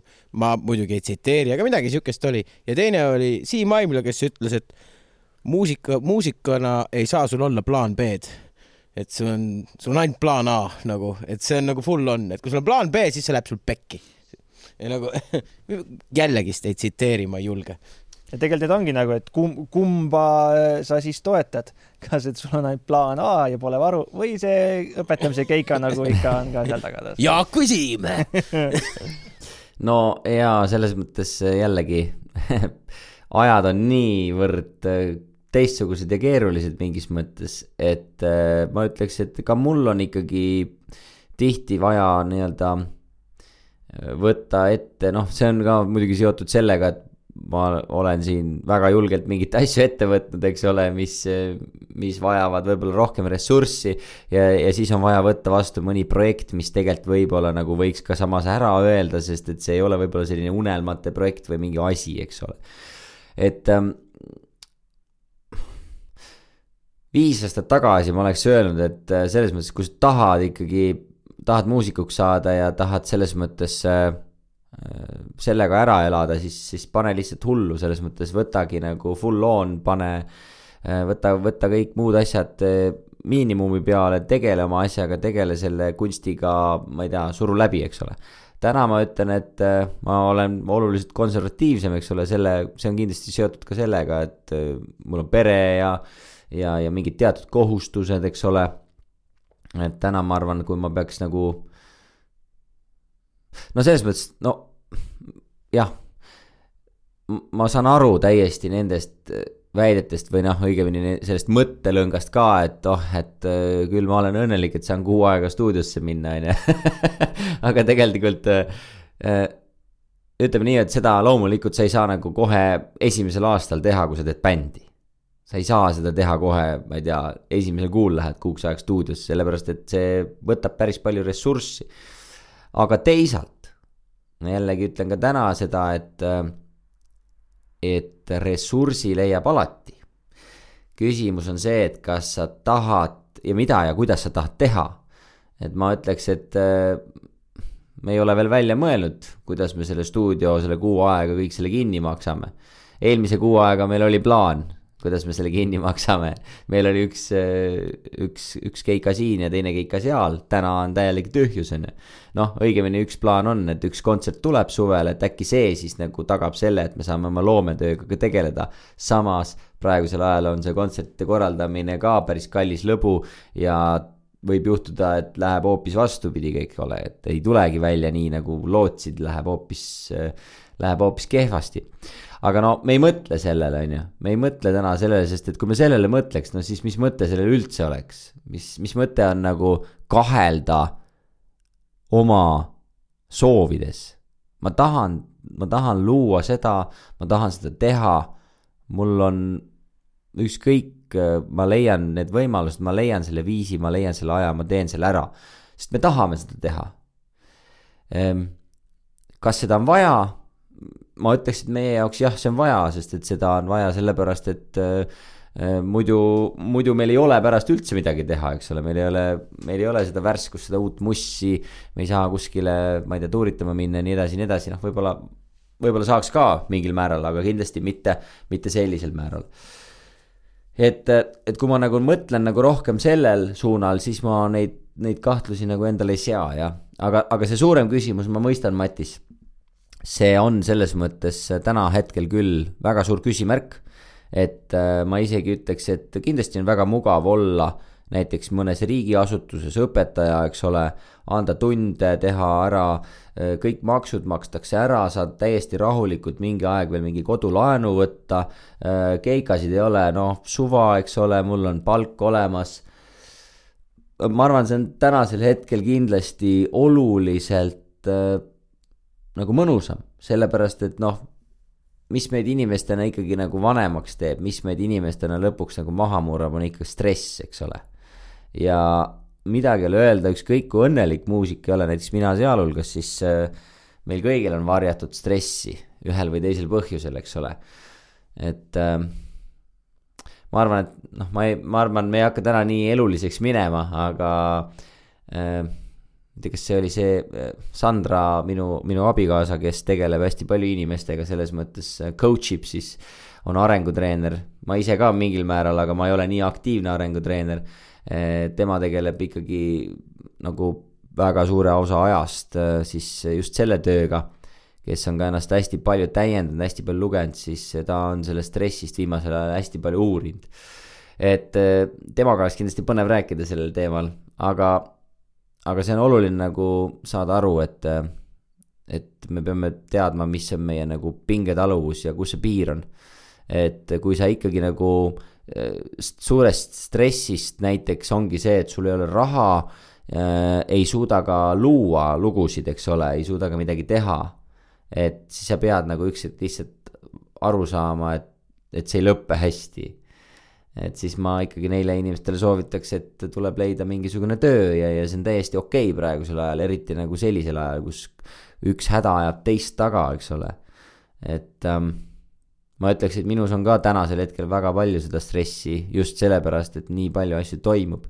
nii palju asju nagu keeratakse pea peale sõna otseses mõttes. et ega see nagu lihtne hetkel ei ole. aga jah.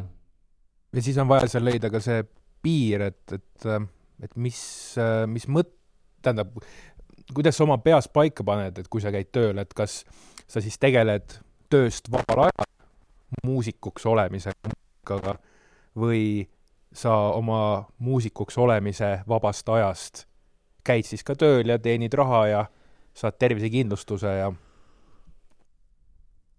jah, absoluutselt, et äh, jällegi, siin on nii palju elulisi faktoreid ka, eks ole, et äh, näiteks noh, meilgi poistega, ansambliga Zetod näiteks on nagu ja, ja teiste puntidega ka erinevad kogemused, need perspektiivid on igal, igatpidi väändunud, et äh, varem oli see, et oh, nädalavahetusel saab bändi teha, on ju, nüüd on see, et oh, nädalavahetusel saab lastega minna kuskile väljasõidule. ja, ja, ja siis, kui tekibki see moment, et okei okay,, aga keegi bändist käib ka esmaspäevast reedeni tööl ja osad on nädalavahetusel lastega, äh, kuidas see aeg leida, kui seitse päeva nädalas tegelikult on okupeeritud, on ju. et, et see on, äh, ma ütleks, et väga noh see on, ma arvan, väga paljudele tuttav teema, et, et seda, jah, seda, seda on päris keeruline on sättida seda kõike. aga noh, jällegi, come on mehed, te teate väga hästi, et äh, ega eks ta head bändiproovi ikka ükski puhkus ei asenda, onju. no meil on üks selline üks põhi, põhiline mure on see, et see on nii tavaline, kui see puhkus algab umbes. nüüd, oh jummel küll, nüüd ma, nüüd ma saan puid raiduda, sest mul noh, ma saan, vaata puid raidudes juhtub see jara, vaata, et sul näpud lähevad nagu kinni veits ajaks, sa ei saa pilli mängida, eks ju, onju no on ju, eks ju, aga puud on vaja ära raiduda, siis on puhkus, nüüd ma saan puid raiduda ja siis tuleb mingi proov ja siis sa ei saa puid raiduda ja siis sa oled päev ennem proovi istud lihtsalt nagu kükitav kana ja ootad seda proovi. et see siis ära teha, et saaks puid raiduda. Jesus, ei tegelikult ei, see jonn jonniks, väga õige jutt, ega tegelikult üks, üks, üks, üks mõnus, vägev, hea bändiproov, kui sa tõesti tahad teha. see, ega see on üks ikka mõnus asi küll. ei, äge. Aga see on, see, sa ennem väga hästi, Almar, ütlesid, et noh, et täpselt, et viis aastat tagasi sa ei oleks saanud rääkida sellest, et sa teed kuu aega siukest stuudiot, muidugi on ju muidugi võib-olla viis aastat tagasi on see, et sul on, sul on niisama aega kuu aega passida võib-olla kusagil, aga, aga, aga nüüd on nagu see aeg, kus see ongi see suur preemia, eks ju, mille nimel nagu on see töö ja vaev ja see pinge, et saaks nagu seda teha. Ja eks see on we all kuradi enjoy life great journey vaata ja et selles suhtes, et, et see on nagu üliäge, et ega, et see ongi nagu, et vist muusikuna olemises on ka vist mitte, et ikkagist, et äh, või üldse noh, muusikud, õpetajad, kõik, kes iganes, eks ju, et see on sihuke, see on sihuke üks hästi lahe reis ja sa ei tea, mis juhtub ja kui sa ei ta- oota mitte midagi ja lihtsalt teed ja teed, siis lõpuks sa vaatad tagasi ja sul oli lihtsalt äge elu. isegi kui mitte midagi nagu otseselt aga sul oli väga äge elu. ei no ki- ki- kindlasti juhtub, ma arvan, neid asju juhtub palju, paljudel, et äh, igas proovis juhtub ju midagi toredat ja, ja käib, hõõrutakse ja lepitakse ja, ja kõike seda minu arust äh, mõtleks, et ma olen ise ansambli Zetodega kasvanud, aastast kaks tuhat kolm tegutsenud äh, ja, ja see nagu ma ei tea, see kogemus, mis nagu on äh, selle ajaga tekkinud või noh, mida me nagu näinud oleme, see on nagu nii raamatust võetud, et, et liikmed vahetunud, tulnud tagasi, rock n roll. ainuke asi, mida me näinud ei ole, ongi võib-olla see, et, et kuskil staadionil mäng, mängid, eks ole, aga põhimõtteliselt noh, Kirsimägi on ka staadion, et selles mõttes ongi, et, et, et see reis on olnud nii äge et ausalt öeldes mul on täitsa savi, et, et kas, kas ma üldse kunagi jõuan äh, kuskile suurele staadionile, ma ei tea, kümnete tuhandete ette. See kõik ongi nii lahe niikuinii, see, kui on kõike piisavalt, elus on, elus on palju sõpru, toredaid bändikaaslasi, nõmedaid bändikaaslasi, lapsi, et, et selles mõttes on, ma, ma ütleks, et see on väga, väga äge, eks ole, et ma, siin ei olegi nagu vaja nagu endale laduda, et ma pean kuhugi nagu tohutult või noh, ma ei tea, ma ei ütleks, et ma meie jaoks kindlasti ei ole kadunud unistus, et olla nagu kuskil väga suurel areenil kunagi. see ei ole kindlasti kadunud ja selle nimel me ikka püüdleme edasi ja teeme aga see ei ole ka mingisugune kinnisidee, mille pärast me seda nagu teeme, eks ole. et teeme ikkagi täpselt sellepärast, et me oleme seda kuidagi, me oleme selleni jõudnud kuidagi, me oleme õppinud seda, me oleme hakanud seda tegema, me oleme juba kuskil maal ja juba on, kõik on olnud väga fun, on olnud keerulisi aegu, lihtsaid aegu, mõnusaid, raskeid ja, ja ma ei tea more to come, selles mõttes ma ootan väga, mis lähiaastatel saab, noh, selge on see, et muidugi et me siin ka oleme vahepeal rääkinud, et noh, sellest bändi algusaegadest on ikka omajagu aastaid möödas, et, et, et kaua me need noored ja ilusad oleme, et kaua me üldse seda laval nagu jaksame, mitu plaati me veel teeme ja nii edasi ja nii edasi, et et see on ka nagu teistpidi, et kas tahaks nagu viiekümneselt mingi karata siin ringi ja et äh, seda mängida või, või laulda, on ju. et äh, aga ma arvan, et äh, jah, muusik ise on lihtsalt, ma ei tea see, see ongi nagu mingi täiesti eraldiseisev element universumis, et ma paneks korra sellele filosoofiale pidurit ja räägiks rahast veel. ja seda meil ka ei olnud. lõpetama, lõpetama ei hakka juba, mul on, ma istun siin oma kodus siin äh, koridoris keldris äh,. mitte pehmes sohvas nagu teie, vaid äh, mingi puupingi peal, mul tagumik valutab see ei ole siin mugav. sa ei saa kehvem olla kui teised puhvetikülalised, paar küsimust on veel, ära muretse, varsti lõpetame. räägime rahast ja äh, väga nagu on mulle jäänud äh, kõlama paljugi ka nagu sinu suust mm, siis see loogika, et antakse sellele, kes küsib, aga samas on ka äh, see mõtteviis hullult levinud, sa oskad kindlasti hästi palju markantseid näiteid tuua vajadusel, et äh, noh, mis see pilli, pillimehe väärtus siis äh, ikka on, ühesõnaga küsimus on muusikute tasudest äh, ja võib-olla ka muu majanduse kontekstis. et äh, muusik, muusikute honorarid, plaatide hinnad, et kõik see on ju osa mm, riigi majandusest ja ei tohiks olla no, isoleeritult seisma jäänud kümne aasta tagusesse aega, aga paratamatult mul on tunne, et hinnad toidupoes muutuvad märksa sagedamini ja ainult ülespoole kui äh, a la plaadihinnad, piletihinnad. et mulle nii meeldib see, Siiri Sisas tegi eksklusiivse kontserdi ja arutles, et kas kolmkümmend viis euri on palju küsida, et noh, kõik, eks ju, toitlustus ja mingi noh, mingi no, no, suur pakett. ja siis ke- keegi kirjutas, et sorry, palju sa maksad salati eest Vapianos, mille sa unustad ära mingi viisteist minti pärast söömist. viisteist euri, kontserdipilet. kas me võrdleme salatit nagu mingi show'ga? see on nagu karjuv, karjuv nagu noh, ebaõiglus, kui nii öelda, võib-olla mingi süsteemse mõtlemise viga muusikute poolt või tarbijate poolt, mis sa arvad? jaa, ma, see teema on mõnusalt suur ja lai, et äh, siin hiljutigi äh, tavaliselt trummarid rahast ei mõtle, aga näed, üks trummar mõtles siis ütles, et kurat, et te olete mõelnud, et meie honorar pole kümme aastat kasvanud, onju. ma ei hakka bändi nimetama, aga no väheseid bände on, on kümme aastat tegutsenud. ja siis, siis kurat, täpselt ja ongi nii, onju. et äh, ega väga palju erinevust ei ole olnud äh,.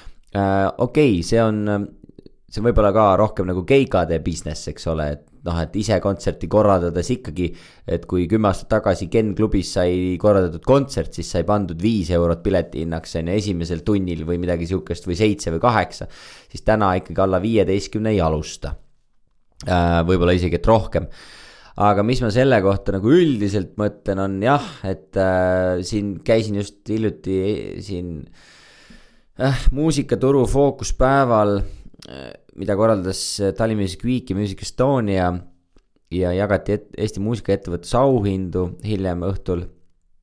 ja seal vahetult äh, jah, enne meie paneeli, kus mina rääkisin Treski Küüni äh, loost äh,, siis arutleti siis äh, äh, arutleti piletihindade üle ja, ja Urve Palo, ei mitte Urve Palo, vabandust, mitte Urve Palo, Urmas Sisask. ei Urve Tiidus. ma ei mäleta ka enam, kes see ütles, et, et piletihinnad peaks olema veel, veel väiksemad, et kultuur oleks nagu kättesaadavam, no põhimõtteliselt arutleti selle üle, et kuidas kultuur oleks kättesaadavam. et äh, nagu erinevatele. ja, ja siis ma mõtlesin, et tule taevas appi, et oot-oot-oot, et me ei saa, me ei tohi nagu nii mõelda. Me ei tohi mõelda, kuidas me saaks kultuuri veel kättesaadavamaks selles mõttes teha, et, et äh, et noh, tegelikult selle põhjus on loomulikult see, et liiga palju toimub, on ju. meil on nagu noh, ja, ja, ja minu nagu, minu nagu maailmapildi veel, veel mõni, mõni aeg tagasi, ma arvan, mingi aastakene, isegi poolteist lõi nagu totaalselt sassi veel arusaam, et, et äh, mul abikaasa läks äh, oma, oma venna laste või lapsega Lottet vaatama ja siis pilet oli mingi kolm kümpi, kolmkümmend euri, eks ole, kakskümmend üheksa, viiskümmend laste, lasteetendus Vanemuises oli. ja ostis kaks piletit, sai aru, üle- oli piletile vist üle seitsmekümne euri maksnud või midagi sellist koos mingite vahendustega. ja siis vaatas mulle otsa, et kas päriselt maksin praegu nii palju, eks ole. sel hetkel siis ma hakkasin mõtlema, et oota ja mis see meie kontserdi hind on, on ju. ja siis hakkasid aru saama, et täitsa ulme, kui nagu kehvasti me nagu väärtustame oma, oma piletihindu, eks ole, oma kontsertidel. ja, ja tollest ajast saadik, isegi tegelikult varem, me tegelikult oleme nagu ise ka teadlikult ikkagi tegelenud sellega, et hindu tõsta. et harjutada inimest rohkem maksma kontsertide eest. Eestis kontserdid paraku jah, praegu ma ütleks, et pigem ikkagi Eesti ansamblit, ma pean Eesti ansambleid, eks, ma ei pea silmas äh, välismaa ansamblit. ikkagi suhteliselt vähe maksavad, no välja arvatud mõned näiteks, ma ei tea, Tribute to APA, mida hiljuti tehti, ma ei tea, Alexelas, eks ole, ja, ja mingid siuksed erikontserdid siin ja seal, et need maksavad juba täitsa hästi. ja, ja vahepeal ma mõtlen, et oot, et Metallica, Rammstein, kõikide nende eest on eestlane nagu nõus välja käima, mina sealhulgas, ma sõitsin Coldplay'le, maksin kakssada viiskümmend euri pileti eest nagu ja no silm ka ei pilkunud, sest ma teadsin, et ma tahan seda näha. et ma saan aru nagu sellest, et, et sa, ma näengi seda võib-olla korra elus ja ma maksangi vabalt selle kakssada viiskümmend euri ja nii edasi. aga näiteks Lätis, kus Brainstormi näeb ka ikka kolm korda aastas, makstakse sellele kontserdile ikka mingi vähemalt, ma ei tea seitse, kaheksakümmend euri pileti eest või midagi sihukest ja bänd teenibki miljoneid, eks ole, ja ta toob veel kuuskümmend tuhat inimest ka kohale. et ma olen nagu mõelnud, et, et kuidas ikkagi teha Eestis seda, et, et küsida rohkem pileti hinda ja, ja, ja samas tuua ka rohkem rahvast, et kas see käib kuidagi kokku et me oleme siin ühe sõbraga vaielnud ka, et kui teeks eurosündmuse kuskil Saku Suurhallis, kas tuleks kümme tuhat inimest, eks ole. no mina väi-, mina väitsin, et ei tule, see ei ole võimalik. et inimesed lihtsalt ei tule et ükskõik kui palju sa neile sinna piletihinnaks paned, et nad ei, nad noh, ma ei tea, see on nagu, vaata, me lõpuks olemegi see, see artisti kontserdi ajastus, koht, ma ei tea, mis iganes, põhjus. Need kõik asjad mängivad lõpuks rolli, piletihind sealhulgas. kas sinna üldse tuleb rahvast ja kui palju, on ju. ja, ja ma ei ma ei tea, et tänaseks mingit valemit üldse siin on.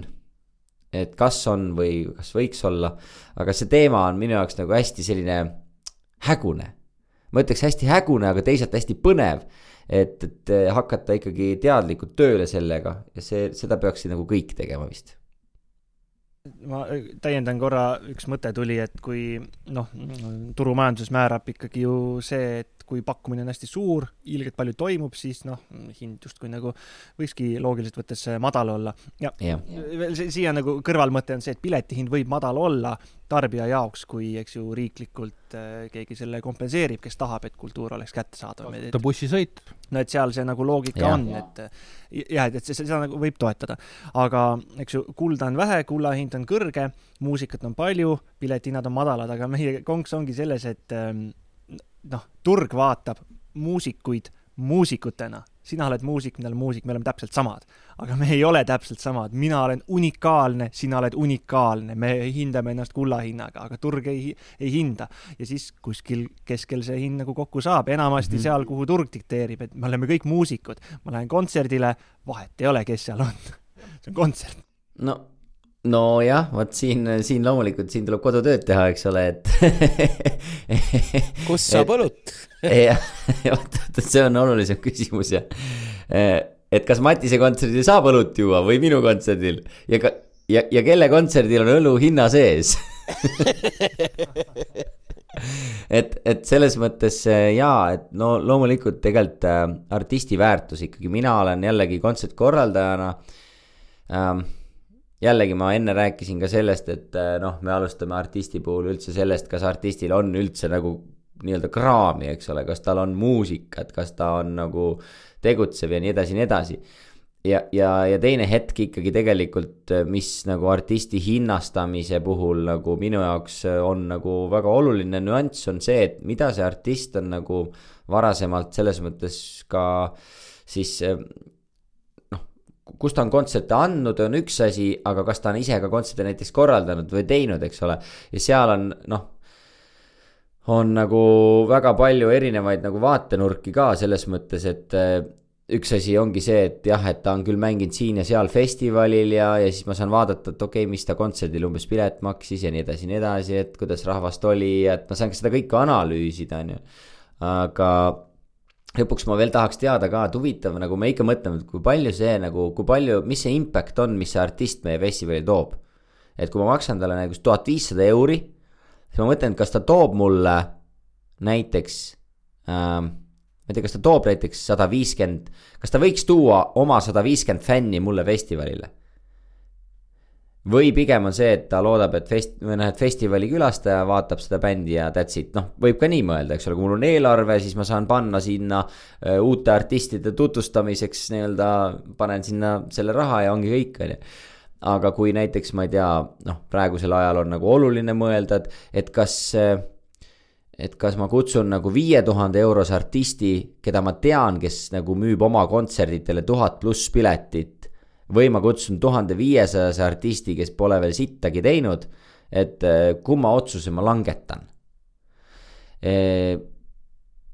Noh, jällegi, see on nagu mõttekoht, on ju, et, eh, et mitte, et ma ütlen, et kõik peaks nüüd hakkama ise kontserte korraldama, aga näiteks noh, ma toongi näiteks Trad Attack, kes alustas ja kui me müüsime oma esimesed tuhat pluss piletit Kultuurikatlasse ja seda mitmel õhtul järjest, siis hind kerkis nagu teiste sündmuste jaoks ka vastavalt nagu kordades.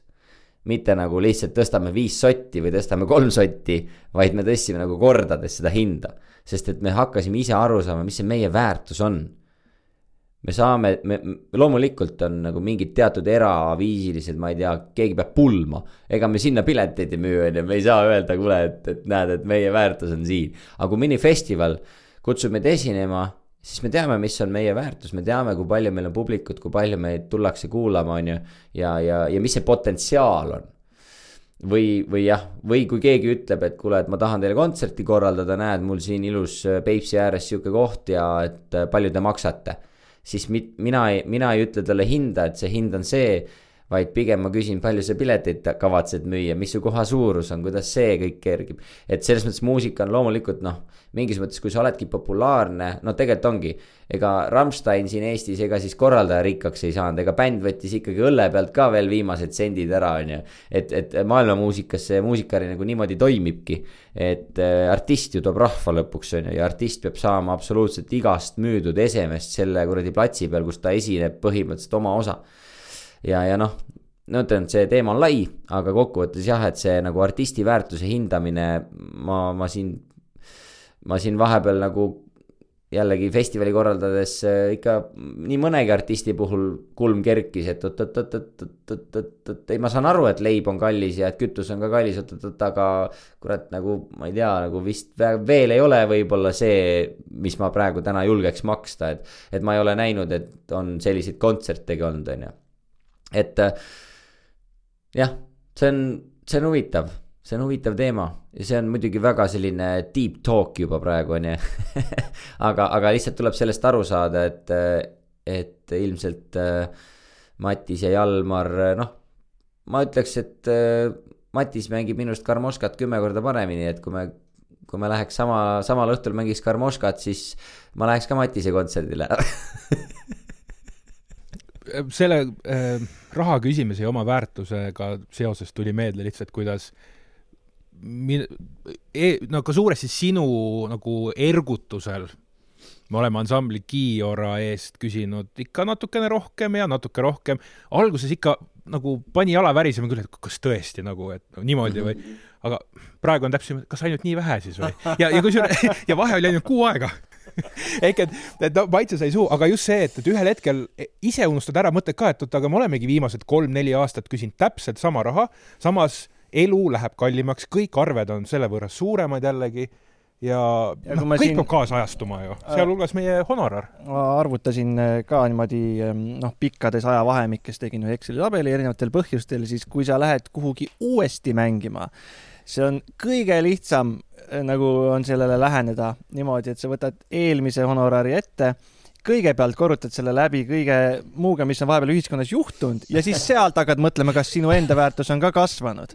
Sellepärast et nagu tõesti, kui sa mängisid, eks ju, Viru Folgil kaks tuhat viisteist ja nüüd sa lähed Viru Folgile kaks tuhat kakskümmend, siis kõigepealt vaata elukalliduse tõusu, inflatsiooni, sa saad summa ja siis vaata, kas sa oled ise vahepeal nagu paremaks saanud ja siis pane sinna juurde, mitte nii, et noh, viis sotti juurde ja ja, jah, see on et kui, kui sind on juba nagu aktsepteeritud sellise hinnaga, siis ja sa ei ole vahepeal nagu täiesti põhja käinud, siis mm -hmm. lihtsalt mu kogu küsimuse point, mis ma juba tund aega tagasi küsisin, oli, ongi see, et ühiskond meie ümber äh, ei ole isoleeritud, eks ju, muusikutest ja muusikaäridest ja nendest rahadest, et me peame ka nagu vaatama seda üldist elatustaseme kasvu ja, ja seda, et nagu meil siin puhvetis mitu korda on erinevad külalised öelnud, eestlane on rikas.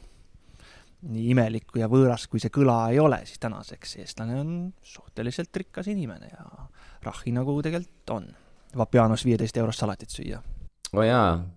mulle meeldib väga hästi see, mis ennem oli nagu öeldud, et kui sa, Jalmar, rääkisid, et sa kaklesid ühe oma sõbraga, et noh, et, et, et see Saku Suurhall ja üks euro, eks ju ma lähen ka sinna tiimi, et ega rahast tegelikult küsimusi ei ole, et see on nii palju need muud asjad, et see aeg, eks ju, on, et et inimesel ikkagi ka kontserdil käimine on su-, üsna suur nagu tegelikult ajakulu temale, see nõuab planeerimist ja kui on veel pere ja lapsed, siis see nõuab veel ekstra planeerimist ja ja, ja et kokkuvõtteks on, kas see on nüüd üks, kümme, sada no võib-olla kui tuhat on, siis võib-olla kriipsutab nina, eks ju, aga kusagil seal kuni ma arvan sajani rahu majas, ma arvan kindlasti.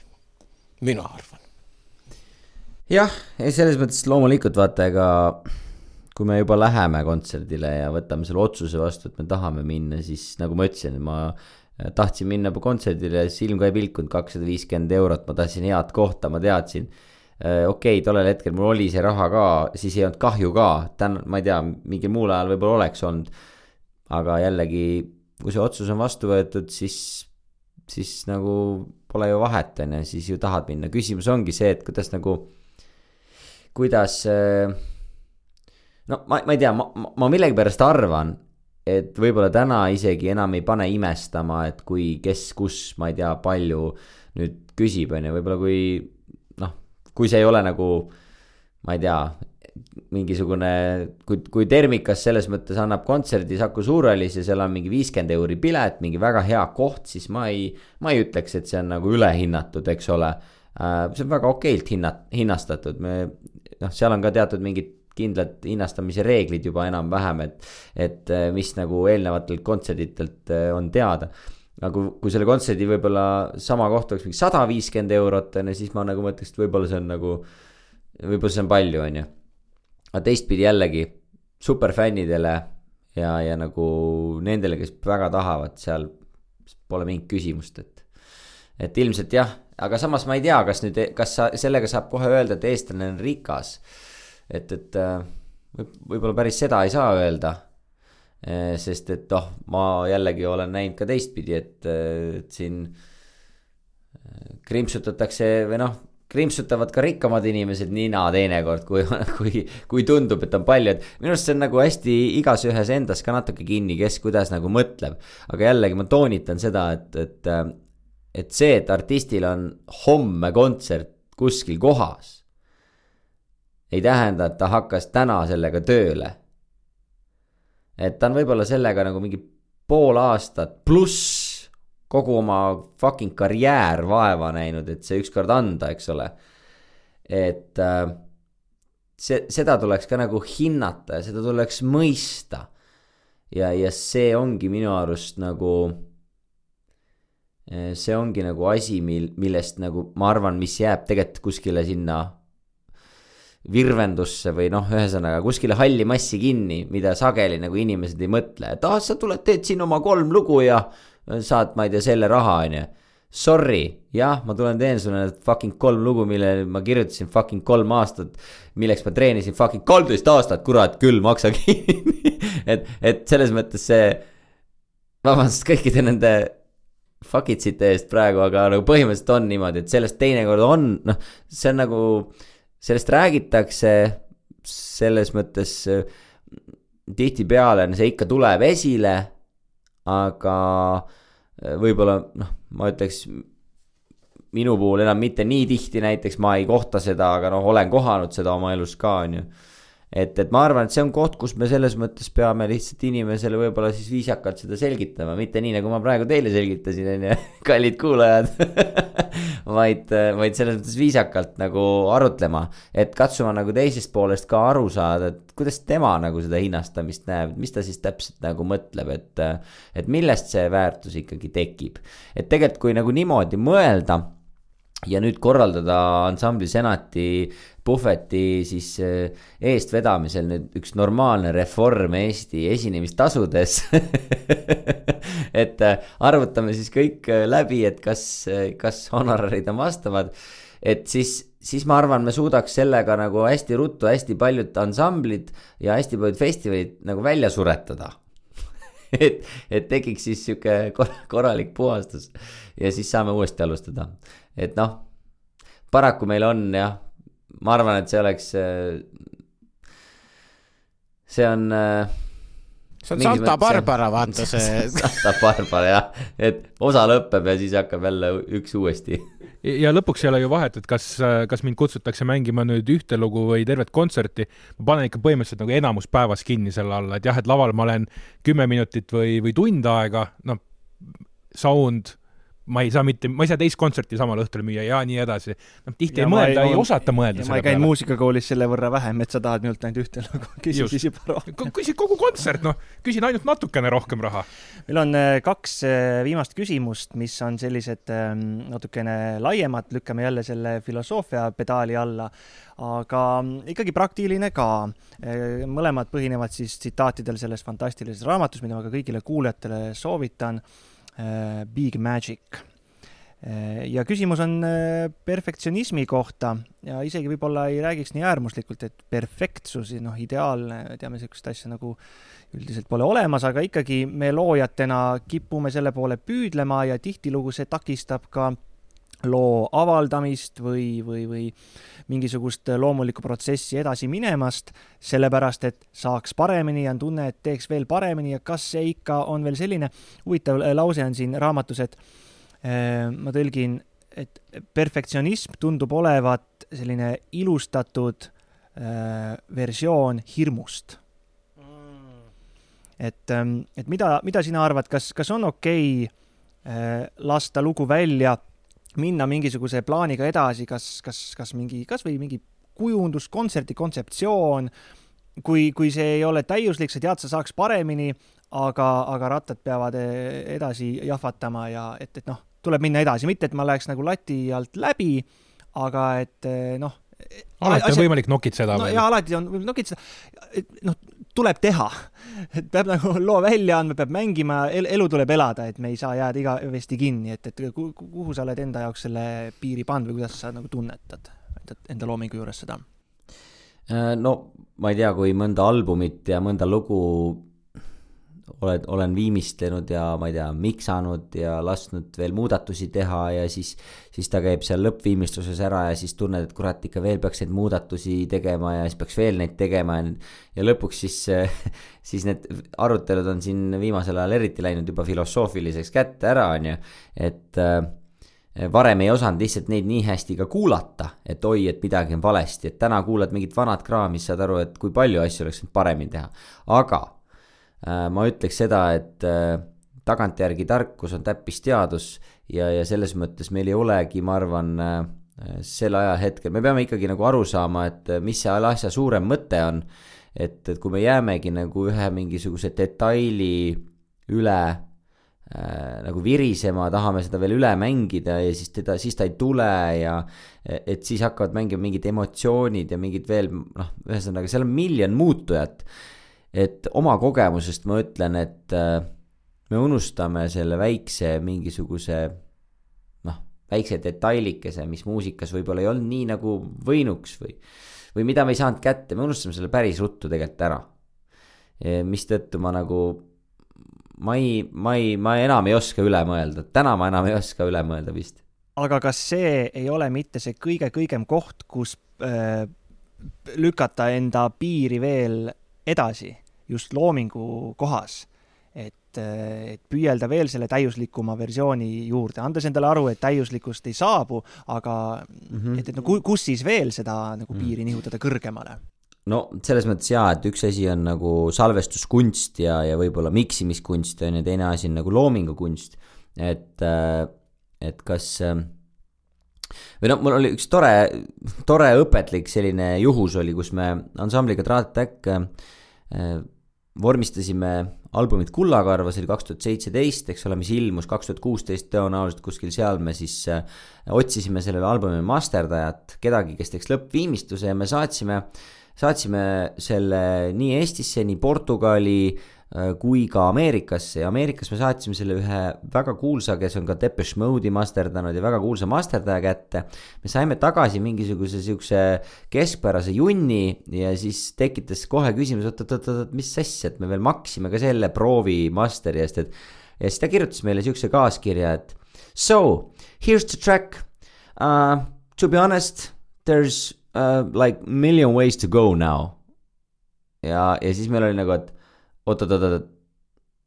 ahah, okei okay., no me saame aru jah, et seal on nagu miljon võimalust, kuhu me nüüd saame minna, et aga me tahtsime nagu kuidagi, et äkki sa näitad, et mis see sinu magic on või mis sa teed selle looga, mis sa suudaks selle looga teha ja, ja, ja siis me saime veel ühe keskpärase junni ja siis me saime aru, et, et kõik, mis äh, nagu näib kuidas öelda, kõik ei ole kuld, mis hiigab. Et pole äh, kuld, mis paistab kullakarva. Jah ja,, kõik ei ole kuld, mis hiilgab. ja, ja sealt edasi ma olengi, me oleme nagu nalja teinud selle üle, kui me oleme mingit lugu teinud ja mingit osa nagu lihvinud ja proovinud ühte ja teistpidi ja siis keegi on jälle öelnud, et kurat, et siin on veel mingi miljon võimalust raudselt ja siis kõik hirnuvad, vaata ja siis ongi. Ja, ja siis sa saadki aru, et nagu lõpeta ära nagu, et ma saan aru, et seal on mingi professionaalne kretinism ja, ja tahad, tahad, aga, aga samas nagu noh, keegi ei ütle, et see, mis sa nüüd tegid, on parem kui tegelikult see, mis sa enne tegid. Et lõppude lõpuks nagu, kui lool on sõnum ja, ja ja, ja midagi, noh, ühesõnaga kui lugu on justkui valmis, aga keegi ikkagi arvab veel midagi, et võiks veel noh, ma ei tea, seal, ma ütlen, et seal Loomingu üle jääbki kaklema, on ju, ja siis, mis puudutab nagu jah, seda salvestuskunsti, siis seal võib ka kaklema jääda, sest et noh, olgem ausad, me lähme neljakesi stuudiosse, minu kõrvad on rohkem vaiku täis, mina kuulengi kõrgeid sagedusi vähem kui teised on ju, me läheme selleni välja, lähme siis kurat kõik perearsti juurde, laseme kõrvad ära loputada, laseme testida oma kõrvad ära, viime ennast samale standardile. tuleme kõik, olles eelmine päev kõik täpselt kaheksa tundi maganud, tuleme hommikul stuudiosse, saame kokku, sööme ühise hommikusöögi ja siis hakkame kuulama ja võrdlema. me oleme inimesed, me olemegi kõik kuradi erinevad, me ei saagi ühe, ühtemoodi asjadest aru, on ju, et et selles mõttes, et siin on nagu siin on ikka jätkuvalt veel miljon võimalust, kuidas sellest kõigest rääkida aga, aga jah, teema on hea vot sellest te maksitegi, et saite nüüd elu lõpuni ühe nalja endale. absoluutselt ja ma olen jumala nõus sellega. aga nalja suure tarkusetera. väga suure tarkusetera, jah äh, viimane küsimus, ma tõlgin. Äh, selles turvalises maailmas, heaoluühiskonnas, milles äh, teie ja meie tõenäoliselt elame, eh, panused loomingulise väljendamise juures on madalad, vaata et eh, koomiliselt madalad. et eh, see loeb, see ei loe. et loo oma peas selle paradoksi jaoks ruumi, loo selle paradoksi jaoks oma peas ruumi nii palju, kui sa vähegi saad. ehk siis tsiteerides Adam Neelit, after all, it's only music. me paneme siia kogu oma hinge, päriselt ka kogu oma elu, aga lõppkokkuvõttes see on ainult muusika. on olulisemaidki asju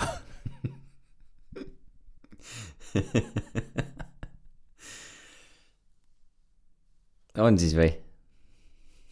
ei, ei tohi, ei tohi plaan B-d olla ju, kurat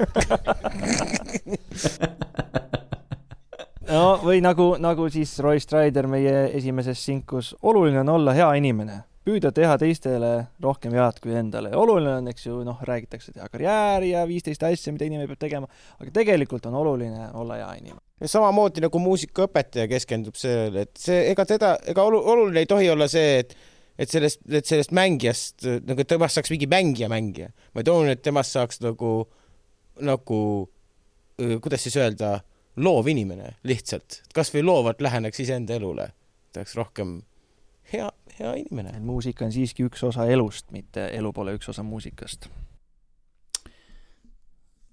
jah, mul ei olegi vist siin midagi öelda, et no nõustumisest piisab et, et see, mis sa, Mats, praegu lõppu siia ütlesid, on tõesti väga kaunis, et elus on ju teisigi värve ja ja, ja ma arvan, muusika on lihtsalt üks väga, väga ilus värv äh, nendest eluvärvidest, et äh, jah, ma olen, ma tean, ma tean lugu ühest inimesest, kellele nagu muusika ei ole korda läinud või ei ole meeldinud ja, ja, ja täitsa juhuslikult, äh, see oli vist, siis ma olin tudeng ja minu, minu ütleme introverdist sõber, muusik, toakaaslane kutsuti muusikapäeva puhul siis talle mängima, sellele inimesele. ja keegi ei teadnud, et, et talle muusika ei meeldi. Ja, ja see õrna hingega kitarrist mängis talle siis loo ära, kellele läheb igasugune tagasiside väga korda ja, ja nagu kui keegi ikkagi halvasti ütleb, siis tegelikult pigem on nagu halvasti, on ju ja siis see tüdruk, kellele see lugu sai hommikul esimese asjana ära mängitud, ütleski, et mulle ei meeldi muusika ja siis see minu sõber oli seal ja ma, ma, ma ei tea, ma ei tea, mida ta tundis. ma ei kujuta ette, mis, mis tema sees toimus. aga see võis olla nagu päris põrgu. et äh, aga noh, muidugi loomulikult ega mis, mis teha, kui ei meeldi muusika.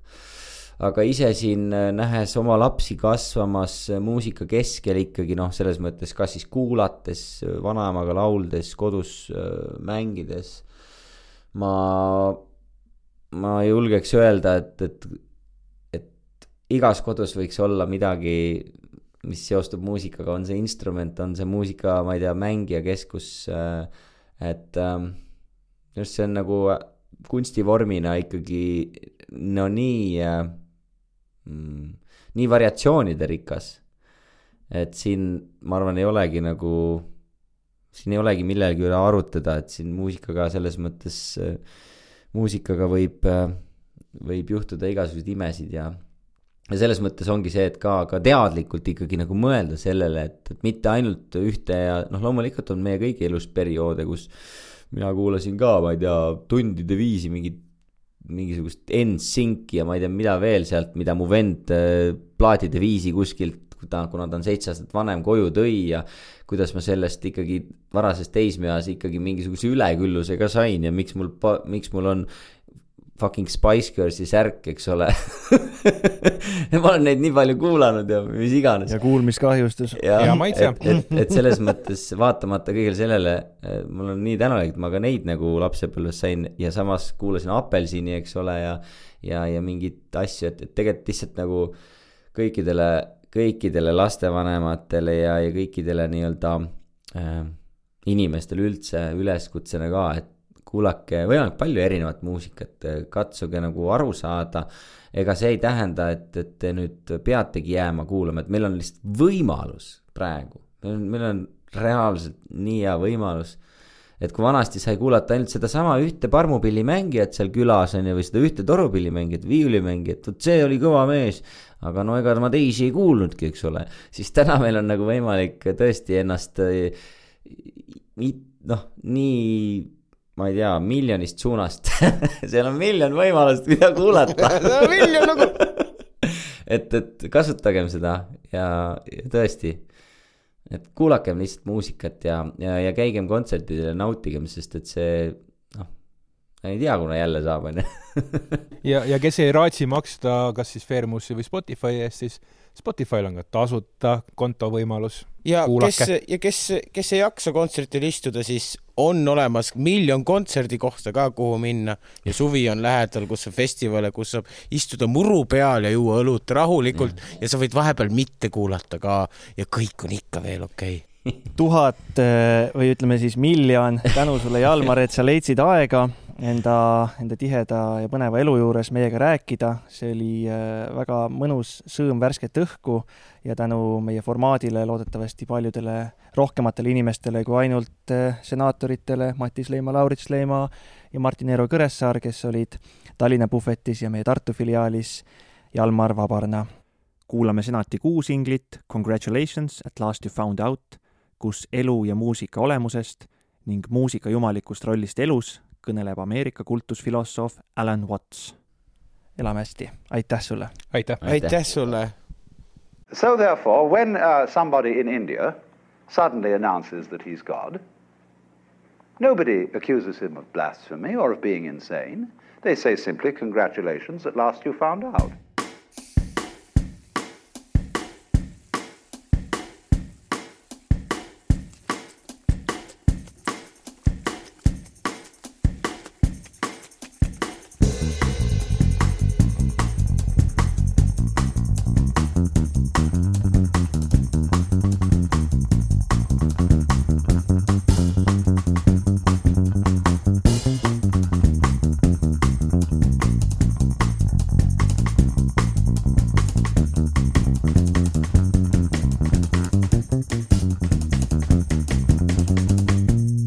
Hope in time. Everything is going to get worse in time. We all fall apart in the end.